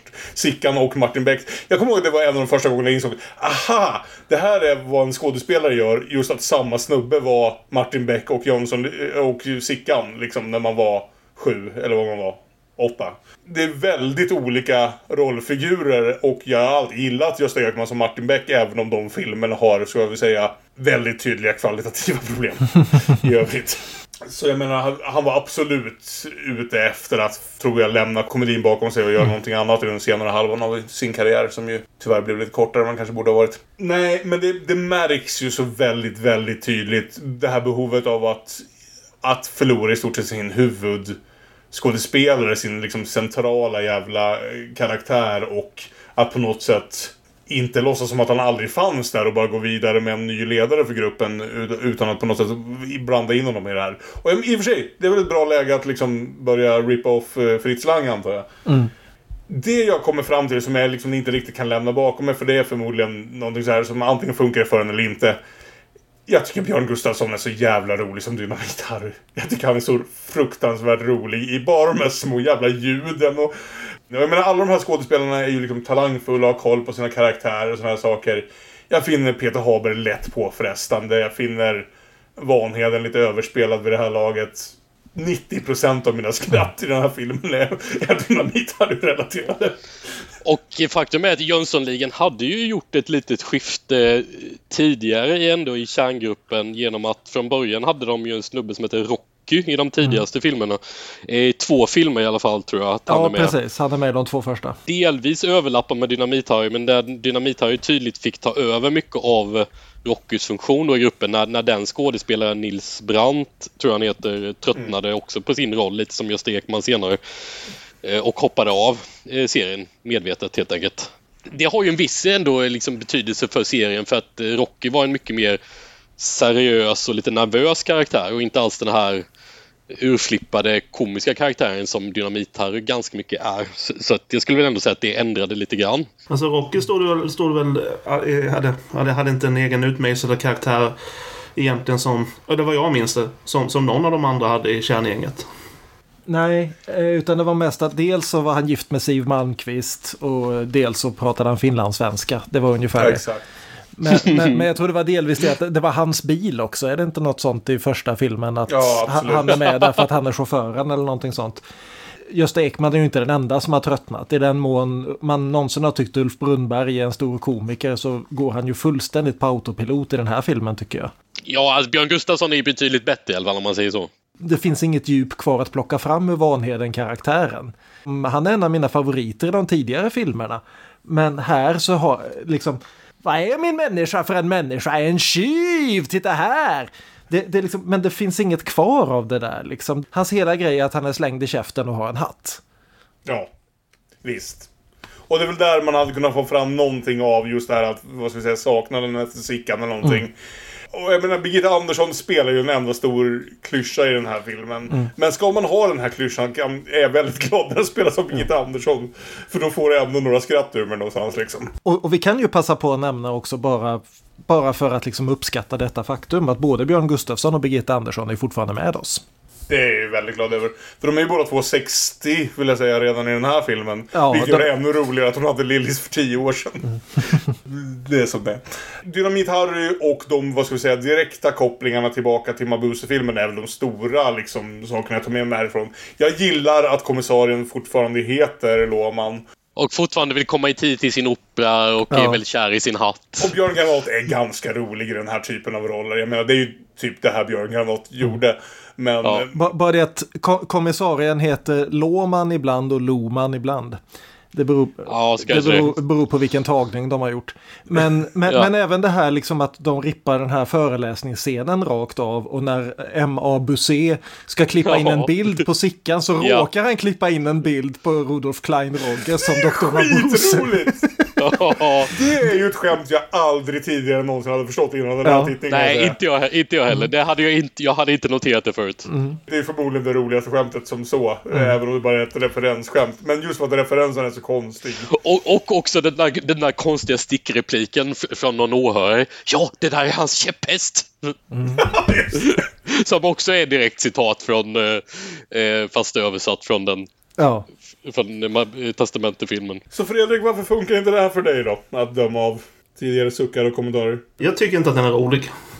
Det är väl egentligen det, liksom, jag vet inte, det enkla, snabba svaret. Jag skrattade inte och kanske fnissade en, en, en handfull gånger på sin höjd. Jag tycker väl att också att den känns, alltså att den inte har åldrats väl helt enkelt. Den känns oerhört mycket som ett barn av sitt, eh, alltså både sitt 90-tal och sitt 80-tal egentligen. Ja men det är väl lite det här, det här eh, syndromet som man, som man stöter på ganska ofta i uppföljare till populära filmer. Att, att eh, uppföljaren försöker göra mycket mer av det man tror funkar i, de för, i första filmen. Bara för att ta ett exempel där. I den här biljakten i slutet. Så Mm. snor de flera scener rakt av från Nu blåser vi snuten. Mm. Som kom 1977. Den är 18 år gammal när de gör den här filmen. Ja, jo. Men Det- den har gått på svensk tv hela Det, 80-talet. jo, men, men det är liksom hur, hur pass ont om idéer har ni då? Och sen, sen håller jag också med om vad som sagts om, om, eh, om Vanheden och om, om, eller om, Ulf, om Ulf Brunnberg och även om Peter Haber. Jag har aldrig, jag har väl aldrig varit ett stort Peter Haber-fan till att börja med. Ulf Brunnberg känns väldigt, väldigt trött här. Men med det sagt så gillar jag, om jag ska vara lite positiv, för det kan jag vara. Så, så uppskattar jag ändå filmen på ett, eh, på ett konceptuellt plan om inte annat. Alltså just den här grejen att det är en så pass tydlig egentligen remake på, eh, på Mabuses testamente. Att det är en sån tydlig koppling. Att de, att de gör liksom flera scener och repliker och en del av handlingen liksom mer eller mindre rakt av. Jag tycker det är en kul grej, det är en kul idé och det, sånt önskar jag svensk film kunde göra mer av. Leka med eh, filmhistorien på det där viset. Och sen gillar jag också själva heist-delarna. Ja, jag håller med. Jag tycker båda två heistarna är ganska väl genom... För, alltså jag menar, det finns lika mycket hål som i andra, alla andra filmheister, men de är roliga. De är liksom, de, de, de har kul detaljer i det. Jag fnissar lite åt den där jävla buss, busshållplatsstolpen och... Ja, i de stunderna, mer än kanske någonsin något, någonstans annars i filmen, så känns det som Jönssonligan. I allra högsta grad. Och det, det uppskattar jag. Absolut. Det finns ju inte så mycket att säga om handlingen. Det mest spännande är ju de här scenerna som finns kvar från Mabuse. Det är den här föreläsningen. Så är det nästan är samma scen. Plus då det här skämtet han råkar lägga på en bild av Rudolf Klein-Rogge när han ska lägga på en bild av Gösta Ekman. Och sen har du ju då att Peter Haber försöker, när han försöker ta kontakt med Jönssonligan, det har du nämnt redan Kalle, men då försöker han ju lura dem på samma sätt till, eh, till ett rum där han med hjälp av mikrofoner på samma sätt som i testamentefilmen ska lura dem att han är då Mabuse, det vill säga Sickan. Och de avslöjar honom eh, på, på en gång. En jävligt, jag tycker den scenen är, är rolig. Här, här är jag, på sjukhuset. Tyvärr är jag förhindrad att närvara personligen men jag har mutat en vaktmästare som har ordnat med en Ja, men det är högtalare. lysande Sickan. Vad raspig du låter du. Raspig? Nej, jag är li lite förkyld bara, sånt som går. Men ja, nu är det så här alltså. Jag har gått igenom Charles-Ingvar Jönssons anteckningar. Eh, Nej, nej, nej. Det är inte han. Eh, Alltså mina egna anteckningar. Och jag har Han reagerar ju inte på att vi sa Sickan. Han sa inte Charles Ingvar. Det är ju mest, igen, inte så mycket på grund av Peter Haber utan det är ju Jan-Björn Gustafsson som gör den scenen såklart. Ulf Brunnberg verkar inte som han ens försöker. Ulf Bar- Brunnberg liksom sömngår igenom, han tar pengarna och säger tack och hej. Peter Haber försöker ju göra någonting här. Jag är bara inte så riktigt säker på att jag uppskattar det han försöker göra. Han är så extremt jävla hysterisk. Björn Gustafsson gör det han alltid har gjort. Men det är fan fortfarande roligt för mig. För han har sån liksom, kemi och sån, han har sån koll på den här karaktären. Och det är en sån där karaktär och en sån skådespelare. Så, liksom, han kan göra små jävla ljud och bara så, och små rörelser. Och så där. Snuten! Ja, Chigodado, polisen. Vad gör du, pappskatt? Ta en egen stolpe! Stick! Nej. Varenda gång, det händer sju gånger i den här filmen att polisen kommer och säger Åh, säg goddag då! Och så varenda gång skrattar jag åt det.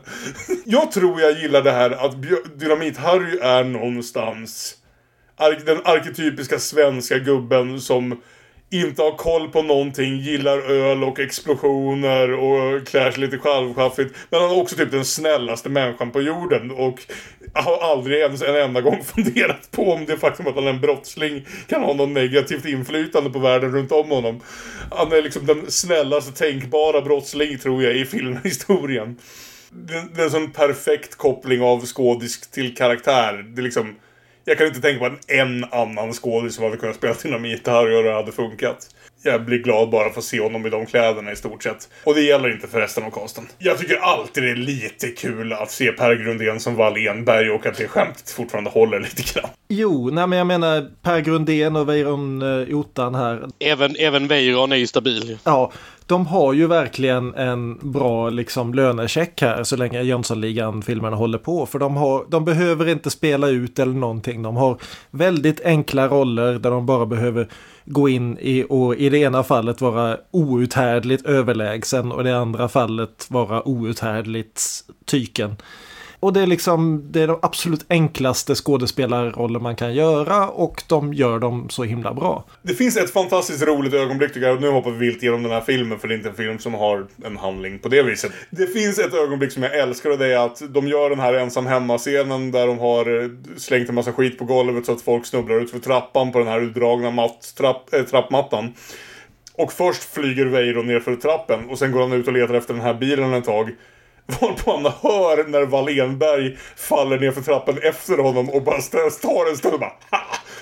Ja, eh, en, ja, att, ja, för hela hans karaktär bygger ju väldigt mycket på hur obrottsligt lojal han är mot Wallenberg. Men Ja. han kan inte låta bli att skratta ändå när chefen får på nöten. Och det här avslöjandet att Wall Enberg och Biffen sover i angränsande rum. Det är ju liksom, är det här liksom den stora queer romansen som eh, har legat dold i svensk film hela tiden? Ja, det finns verkligen inga kvinnor i någon av deras liv. Så mycket är väldigt tydligt. Det är en sån här grej som är, jag, jag tycker ärligt talat inte Hans-Åke Gabrielsson är en särskilt bra regissör. Han, han är ju liksom, han är animatör egentligen i grund och botten. Det finns ju ett skäl till att han har plockat in liksom Per Olin och göra introt därför att Per Olin är ju hans mentor. Ja, just det. Jag är lite för dåligt insatt i de filmerna eh, för att eh, vara säker på att jag har det minsta rätt. Men, men är den inspirerad av Rosa Pantern eh, filmerna till exempel? För de har också liknande typ tecknade intron, har de inte det? Absolut, ja, det Det tror jag nog är hämtat därifrån, ja. I det fallet är det en rosa, rosa diamant och i det här fallet en svart diamant. Så det kanske inte är så långsökt. Jag gillar introt. Jag gillar allt Per Olin gör, och, så jag gillar introt. Men, men, men det är också det här att det finns många scener här som är habila. Men jag tycker också att det här att han hela tiden filmar allting på lite halvdistans eller i närbild. Det finns liksom inga översiktsbilder eller någonting.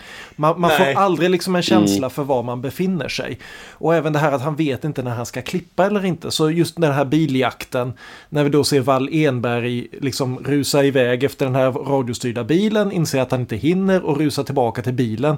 Och vi får se stackars Per Grundén springa i pyjamas i typ 10 sekunder. Ja. Det var lite konstigt, det har du rätt i. Det är inte en scen, det är bara liksom... Du klipper det här. Det finns inget skäl till att vi ska se den grejen. Nej, det är lite haffligt. Alltså, han har lånat manuset från Fritz Lang. Han har ju inte tittat på bildspråket någonstans. Nej.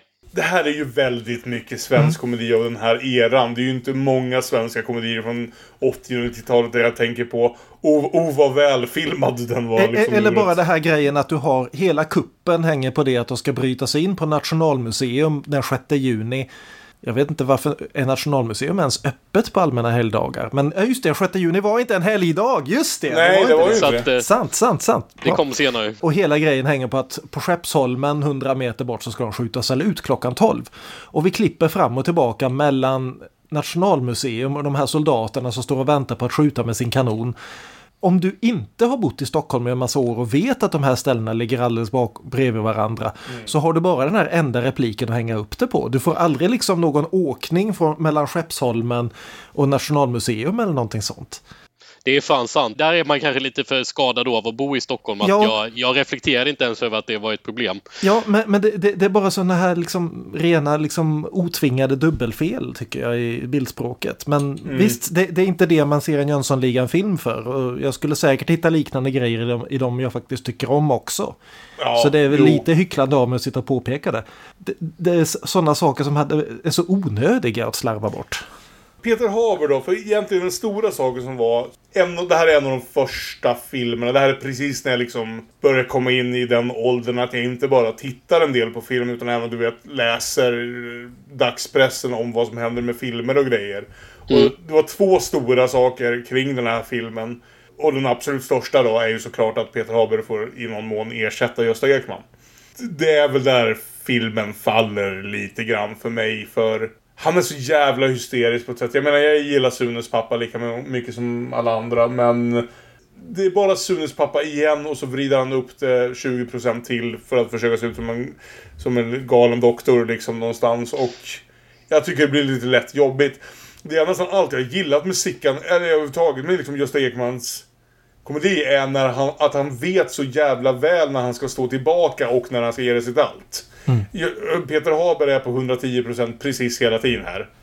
Och ett problem är kanske att Peter Haber försöker på något sätt om det här är något Hans-Åke Gabrielsson har sagt till honom eller inte vet jag fan men, men, men det känns som att Peter Haber ibland försöker efterlikna både Gösta Ekman och Rudolf Klein-Drogge. Eh, och, och smälta ihop det till en person och det kanske inte är världens bästa idé. Alltså han har ju ett hår som, som, som definitivt för visuella eh, kopplingar till Rudolf, eller hur? Jo, det skulle jag säga. Och lite grann i den hysteriska spelstilen på ett sätt som också påminner en hel del om eh, Rudolf, inte minst i, i 20-talsfilmerna, men som ju inte Peter Haber sätter. Ja, men det ligger nog inte det. Nej. Och det är ju inte riktigt i linje med hans karaktär heller att göra det. Så att jag vet inte. Det är inte säkert att det hade blivit bra ens om man hade efterliknat Rudolfs prestation mer. Nej. Det, det som får Gösta Ekman att funka som komisk skådespelare det är att han har en värdighet. Mm. Det, det är samma sak som John Cleese till exempel. Det är den här enormt värdiga mannen som är medveten om sitt eget människovärde men också om hur fånig han ser ut och försöker att inte skämmas utåt för det. Nej. Peter Haber har ingen sån känsla överhuvudtaget. Han är bara en patetisk psykiatriker. Helt och hållet utan självinsikt. Jag tänkte halvvägs igenom den här filmen att det här kanske hade funkat, du vet. Om när vi träffar Peter Haber i början av filmen när han har sina föreläsningar och så. Om han verkar någorlunda normal och sen blir han mer och mer hysterisk allt eftersom allt det här händer. Liksom. Det tror jag definitivt. Men grejen är att han börjar på 110%. Han är precis jävla skogstokig första gången vi ser honom. Så det finns ingen liksom våg i det här. Det enda som finns är ju på slutet där han inser att det skönaste för honom är att vara, få bli inspärrad.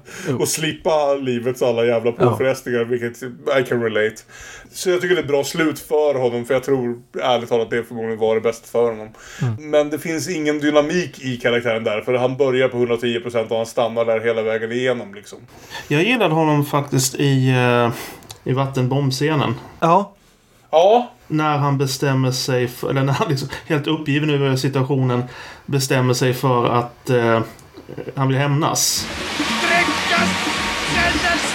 Dränkas! Vad ska vi göra? Vad vi ska göra? Vi ska hämnas! Hård och skoningslös hämnd!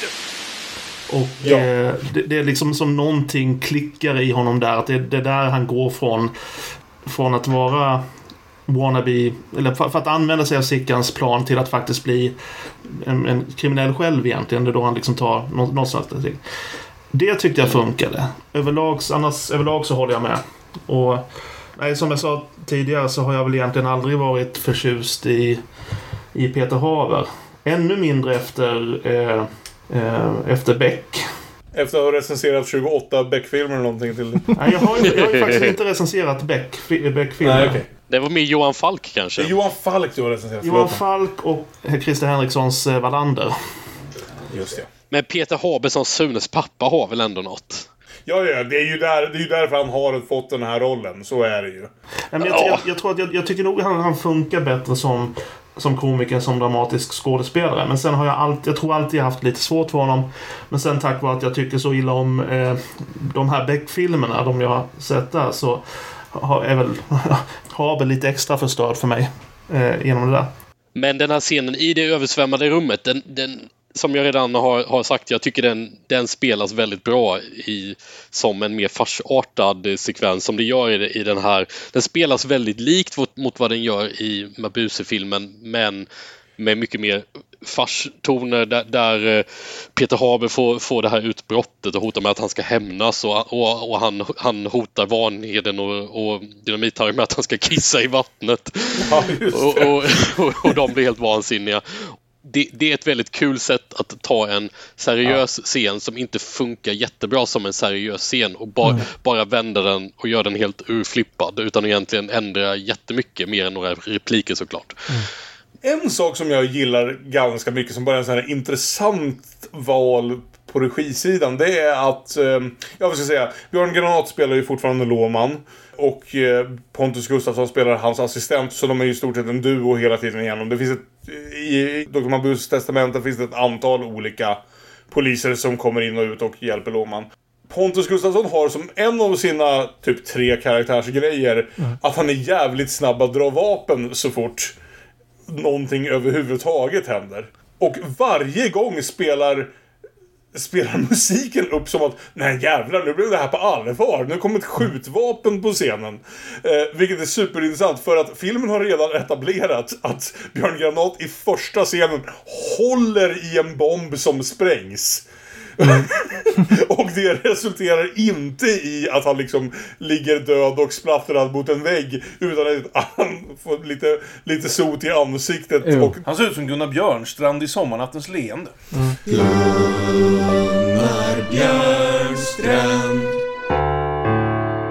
Jönssonligan och den svarta diamanten säger A-cab. Ja, precis.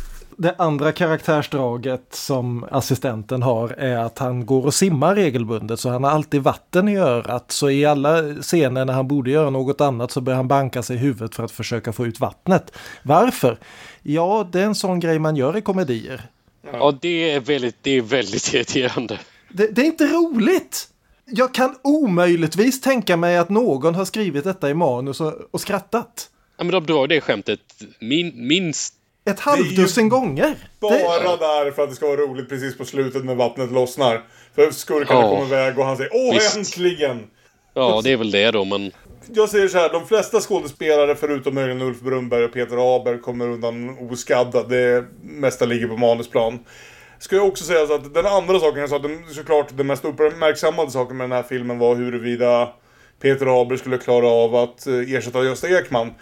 Den näst mest uppmärksammade var ju det faktum att det var typ Sveriges enda ordentliga stuntolycka. Nämligen när de gör det här fallet av, eh, av stegen. Och en, en stuntman fick spendera typ två månader på sjukhus.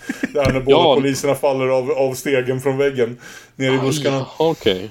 Jag uppskattar bara att se riktiga stunt i filmen vid det här laget. För det händer inte längre. Om det inte är Tom Cruise. Det, jag vill säga så här. Jag hoppas den stuntmannen mår bra idag. Jag tycker fortfarande det är ett snyggt stunt.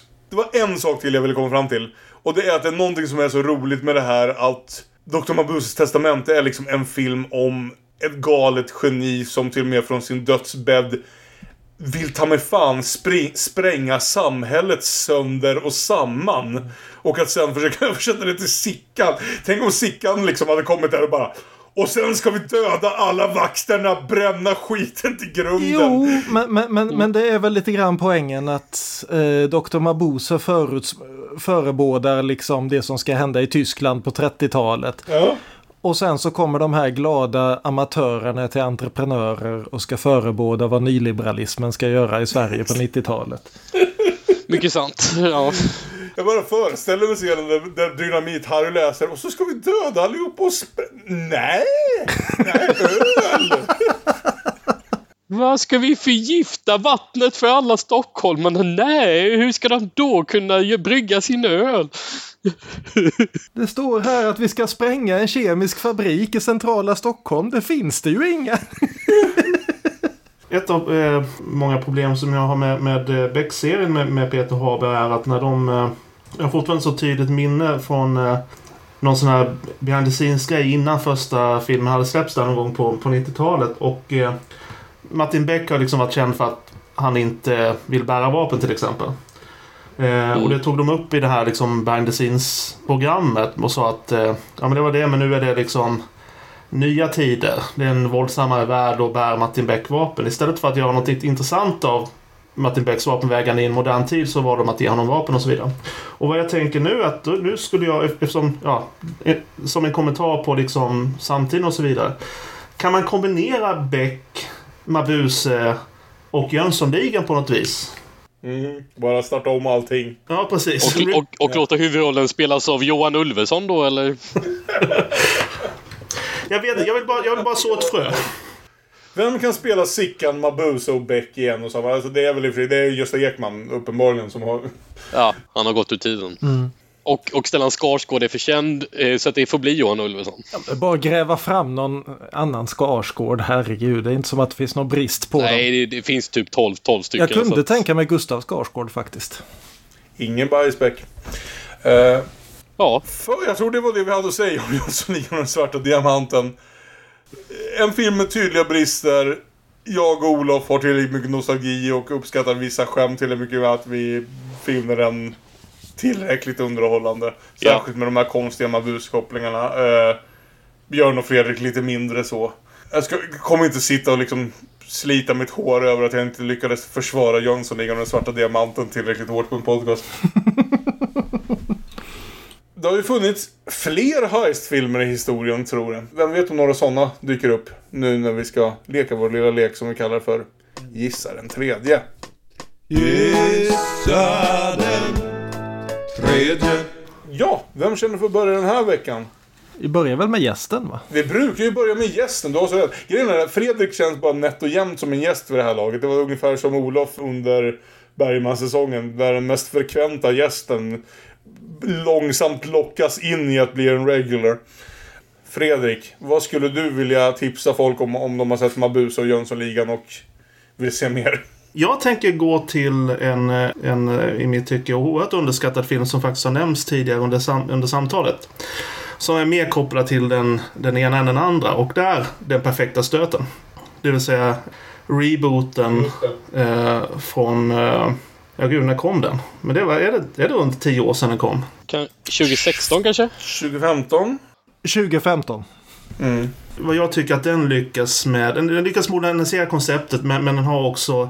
Den, den, den är rolig. Den är, också, den är lite mörkare, lite, lite mer dramatisk men den är också... Den är fortfarande rolig. Och kanske framförallt så har den...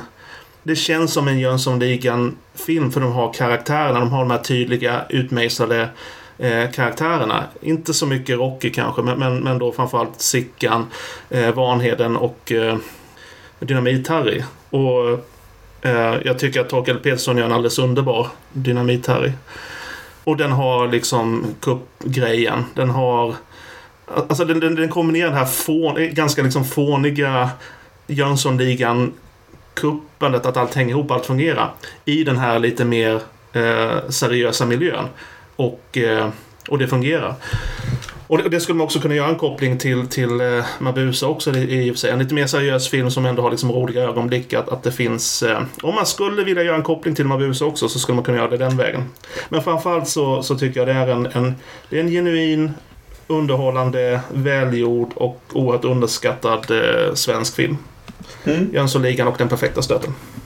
Jag tror vi har kommit in på det här tidigare men jag jobbade ju väldigt kort på ett filmprojekt inte direkt med honom, men jag, vad ska vi säga, jag har jobbat på samma film som Alexander Karim. Vilket gör att jag bara därför, för att jag behövde sitta och titta på, vad ska vi säga, tagningar av honom i timtal.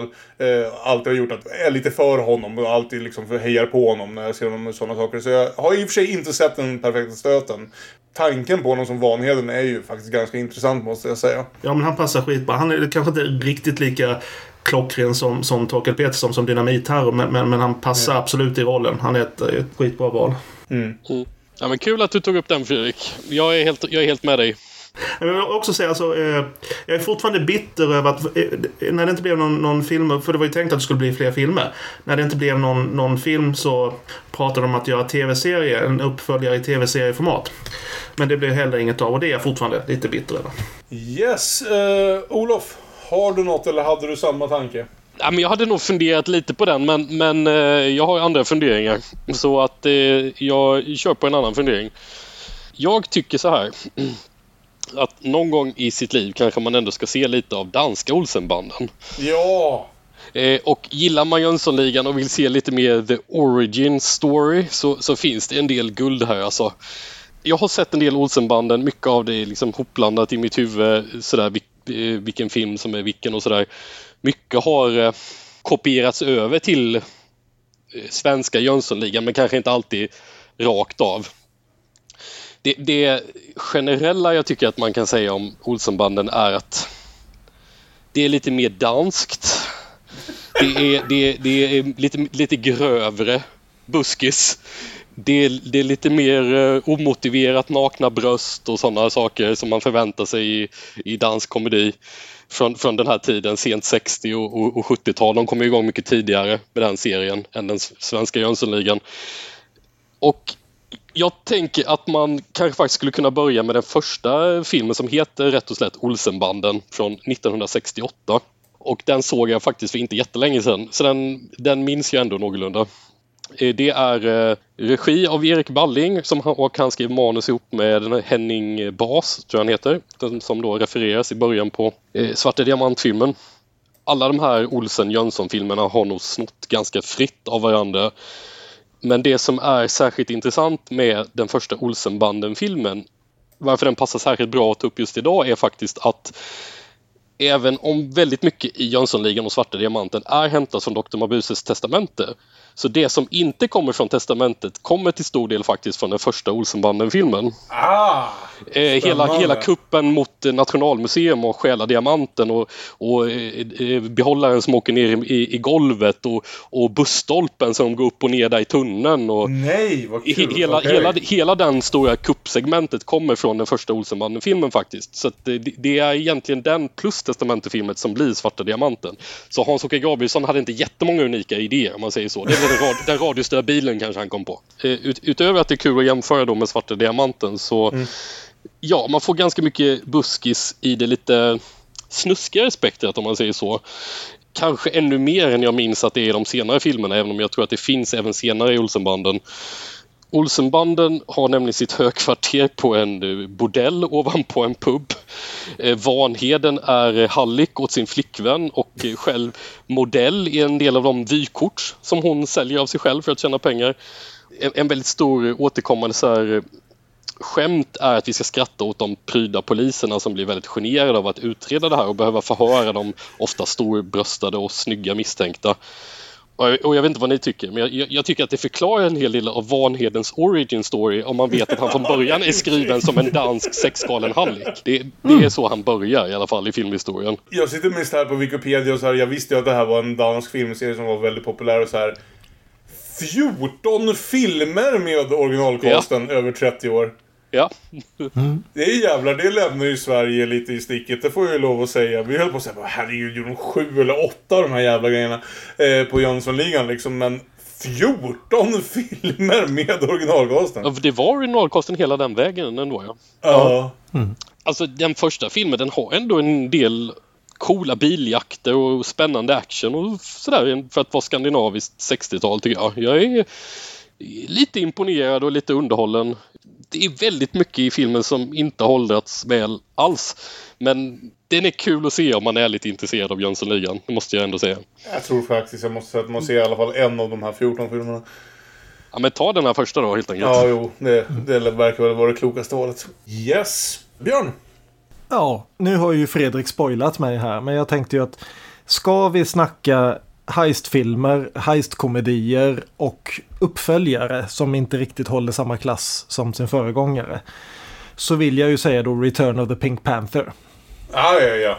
Vilken av dem är det för oss Exakt. Som... Det här är alltså den där eh, hela franchisen gör comeback efter ett antal år. Eh, de gjorde ju liksom Pink Panther, Shot in the Dark eh, i början av 60-talet där. Mm. Sen 1975 så gör då Blake Edwards och Peter Sellers The Return of the Pink Panther. Är det ett sånt jävla hopp där? Det är ett sånt hopp där. Jag, jag, tycker det här är uppenbarligen inte en så perfekt film som A Shot in the Dark är. För det, det är fan i mig en helt hundraprocentig fempoängare. En hundraprocentig fempoängare A+. Det är återigen, det är lite sån här nostalgigrej. För det här var en av de första filmerna vi spelade in på VHS. När vi skaffade mm. videobandspelare. Så jag har sett den här väldigt många gånger. Jag gillar också just det här att de börjar hitta till vad folk gillar med de här filmerna. De här två första filmerna är egentligen ganska olika varandra. A Shot in the Ja. Dark var inte ens tänkt att vara en Pink Panther-film från första början. Den bara råkade bli det när de liksom började arbeta på manuset och fick med Peter Sellers och alltihopa. Så här har nu då Return of the Pink Panther där de plockar tillbaka alla huvudrollsinnehavarna förutom eh, David Niven som inte ville vara med så han ersätts av Christopher Plummer vilket inte är världens sämsta ersättare. Och gör den här heistfilmen som reser över halva världen. Den utspelar sig i Nordafrika, den utspelar sig i Paris, den utspelar sig på alla i Schweiz, alla möjliga ställen. Framförallt så har den ju Peter Sellers som har en tendens att bli väldigt irriterande på det här att han bara liksom spelar Peter Sellers. Men i den här filmen funkar det för den är skriven för det. Och filmen liksom utöver att det är en heist som är är faktiskt ganska lyckad och som visar sig vara en twist. Så är det också det här att den tar sig tiden att relaxa i karaktärerna också. Snabb fråga bara för att jag ska hänga med på vilken... För ärligt talat, jag blandar ihop de här lite. Mm. Är det här den där han försöker stavhoppa in i Herbert Loms slott? Nej, Nej, okej. det är en senare. Okej. Eh, så vitt jag minns i alla fall. Jag, jag är 90% säker på att det inte är det. För Herbert Lom blir så galen vid något tillfälle att han blir skurken från att ha varit irriterad konstapel. Precis, eh, men Herbert Loms hela grej från den här filmen och framåt är att han blir galen och försöker mörda Peter Sellers i varenda Ja. film. Eh, Den här filmen är den som får honom att vilja mörda Peter Sellers. That makes sense. Innan det så är han bara Peter Sellers väldigt, väldigt irriterade chef. Det är den här filmen som får honom att verkligen bestämma sig för att den här jävla Clouseau måste bort från världen. Men du har också det här liksom Burt Kwok som hans Eh, butler som, som eh, är anställd för att försöka döda honom. Du har eh, Christopher Plummer som verkligen spelar den här gentlemannatjuven perfekt. Det är en film som verkligen, den lyckas ha en handling som fungerar samtidigt som den har alla sådana här små gags som bara är fåniga men som funkar ändå. Och den har gags konstant som är roliga. Till exempel, kommissarie Clouseau kommer till en liten schweizisk turiststad och försöker följa efter skurken som han har följt dit. Går fram till tax taxikön, pekar efter taxin som kör iväg och säger “Follow that car” och taxichauffören hoppar ur och börjar springa efter bilen. Så han måste gå till hotellet och så när han gått en bra stund bärande på sina väskor så frågar han någon väldigt välkostymerad schweizare där “Excuse me, yes, do you know the way to the Palace Hotel?” “Yes”, säger schweizaren och går. Det, det, det är, liksom, det är sådana grejer hela tiden. Och, och så har du en av mina gamla favorit Bondbrudar, Catherine Schell, som Mrs. The, the Phantom. Vilken Bondbrud är hon? Hon är, hon är inte någon av huvudbondbrudarna, men hon är med i... eh, Oj, vad är hon med i? Eh, Lazenby-filmen. Precis, precis. Det är inte en perfekt film, den är inte lika rolig som någon av de två originalen. Men det, det är en film som verkligen vet att det folk vill ha av en uppföljare är att bara komma hem och skratta. Mm. Och, och få lite spektakel på, på köpet och alla i filmen vet vad de förväntas leverera i detta. Och det var Return of the Pink Panther. Exakt. Som vi pratade om nu. Jag tror man måste se om de här filmerna. Bortsett från den där sista ökända. Ja. jävla massakern till film. De första fem är väl allihopa mer eller mindre roliga vill jag minnas. Jo, det... Hur många finns det egentligen? Jag beror på, menar du med eller utan Peter Sellers? Precis, det, det finns... Två Steve Martin-filmer. Ja. Det Sant. finns fem och en halv med eh, Peter Sellers. Ja. Eh, och den halva är då den här de klippte ihop av outtakes och av scener ur de andra filmerna efter För att han dog under inspelningen. Precis. Mm. Den minns jag mest som tragisk. Mm. Jag tror de andra fem allihopa i alla fall är roliga nog att Ja. jag inte skulle säga att man inte ska se dem. Yes, eh, tack för det. Jag tänkte på, på det här just, just det här med en heistfilm som är samtidigt rolig men samtidigt kanske Ja, där vi absolut får i testamentet och absolut inte får i Jönssonligan, nämligen att säga någonting om, om sin omvärld. Jag var jävligt sen på bollen med det här, för jag såg den bara tidigare i år. Men även fast han har gjort en bunt underhållande heistfilmer tidigare så skulle jag vilja hävda att Steven Soderberghs bästa heistfilm är Logan Lucky från 2017. Eh, med Adam Driver och Channing Tatum i huvudrollerna. Kanske den snällaste amerikanska heistfilm jag har sett.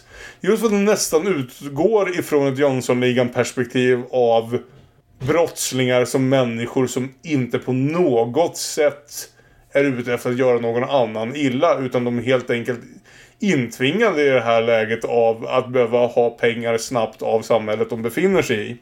Och jag fann den filmen så otroligt hjärtvärmande samtidigt som den var väldigt rolig och verkligen i stort sett har en Jönssonligan-plan i sitt center. När de ska försöka råna en sån här Nascar-bana på den största racedagen. Eh, genom att göra också vad som verkar nästan som liksom en ganska odramatisk heist jämförelsevis med till exempel Soderberghs tidigare Oceans Eleven-filmer. Och Jag tyckte verkligen att den här klickade in på allt det man brukade tycka om på Jönssonligan och dessutom la till ett litet liksom... Eh, det är inte på något sätt så mycket liksom, samhällskritik eller samhällsmedvetenhet att eh, liksom få filmen att sakta ner. Men det finns definitivt där. Det här är människor påverkade av fortfarande, vilket ju hela USA och stora delar av världen är, av finanskrisen 2008 och de behöver göra det bästa av sin situation och det bästa av sin situation är som jag väl kan hålla med om att råna de rika, särskilt de rika, särskilt om tillfället infinner sig där man kan göra det utan att skada några oskyldiga. Jag älskade den. Det är så kul att följa Steven Soderberghs karriär här nu efter att han inom väldigt stora kaninöron gick i pension år 2013. Och sen bara fortsatte göra filmer. Sen fortsatte, i början låtsades han att han bara fotade dem, men han ljög ju. Det finns åtminstone två filmer på IMDB fotade av Steven Soderbergh som han absolut regisserade.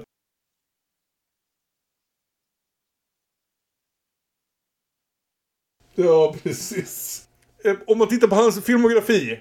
Hans första film efter ett längre uppehåll, vilket för honom är typ fem år, eh, var Logan Lucky. Och det är faktiskt en av mina absoluta favoritfilmer som han har gjort. Den är en av hans mest genuint bara underhållande filmer. Eh, som både prickar hjärtat och skrattmuskeln ganska ofta. Fram till Knives Out så hade jag sagt att det var Daniel Craigs bästa icke-Bond-roll, men nu kanske man inte kan säga det längre. Ja, men det för oss ju till slutet på det här avsnittet om den kanske lite märkliga blandningen av Dr. Mabuse och Jönssonligan. Vi har ju varit lite mer uppenbara hittills. Men det var en väldigt trevlig diskussion måste jag få säga. Björn, du är nog den som är bäst lämpad att tala om vad musiken är den här veckan. Nu snackade vi så mycket mer om Jönssonligan än vad vi snackade om Fritz Lang så vi får knyta ihop alltihopa igen med lite gammal hedlig tysk syntpop från 80-talet. Propaganda, Dr. Mabuse. Vi får se vilken sorts version det blir. Jag tänker mig något åt Noj-hållet. Det blir strålande. Det ser jag fram emot för höra. Eh, ja, och då har det faktiskt blivit så här att det är min tur att välja filmer. För som ni har märkt här under vår tredje säsong så har vi helt enkelt börjat rotera det här ansvaret att välja nästa, nästa gångs kombo. Väldigt mycket av det vi har gjort har ju varit liksom, ja men två filmer i en franchise eller försöka starta om en gammal historia. Jag har varit väldigt intresserad av det här att återberätta en verklig historia på två olika sätt. Alltså någonting som Mhm. faktiskt hände. Mm. Eller jag har tänkt över lite olika biopics och olika möjligheter till sådär när de har gjorts på olika tidsåldrar och så. Jag tror vi dessutom ska kombinera det med en western-tema. Andrew Dominic gjorde ju precis en ny film som verkar vara, bli en av årets mest omdiskuterade. Får väl se om vi tar upp den i årslistan vad det lider. Men han gjorde ju för ungefär 15 år sedan eh, The Assassination of Jesse James by the Coward Robert Ford. Det visade sig att även Sam Fuller, som ju också var en av sin tids mest kontroversiella regissörer, startade sin karriär med att göra filmen I Shot Jesse James. Och det ska ju då sägas att båda de här filmerna inte fokuserar på Jesse, Jesse James utan på Robert Ford. Hmm. Vilket gör dem till ganska intressanta att kombineras. Det ska också säga att vi i någon mån har försökt hålla oss till lite kortare, alltså i alla fall eh, inom rimlighetens eh, gränser. Inte allt för långa filmer och jag bryter det lite med Assassination of Jesse James. Är inte den typ fyra och en halv timme? Den är 2.40, men, men, men, men, men, I shot Jesse James är 1.20, vilket men kollade så. Så snittet. Snittet blir okej då ja. Vi snittar två timmar. Då är väl låtvalet självskrivet också till nästa Det var det jag tänkte. Jag tror dessutom att vi kommer behöva diskutera den låten som en del av mytskapandet kring Jesse James. Den är ju till och med med i The Assassination of... Båda Ja. filmerna. För att den skrevs 1883 eller någonting sånt.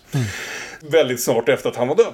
Så ja, nästa gång blir det Sam Fullers I Shot Jesse James från 1949 och Andrew Dominics The Assassination of Jesse James by the Coward Robert Ford från 2007. Och det ger oss ju också ordentlig möjlighet att diskutera hur westernfilm har, har utvecklats från liksom 40-tal till modern tid. Vi finns i de sociala medierna. Vi är at Damonpodden på både Twitter och Instagram. Vi är Damonpodden med Ä på Facebook. Och om man så vill kan man mejla damonpodden at gmail.com. Vi har haft jättetrevligt ikväll. Tack för att ni ville hänga med.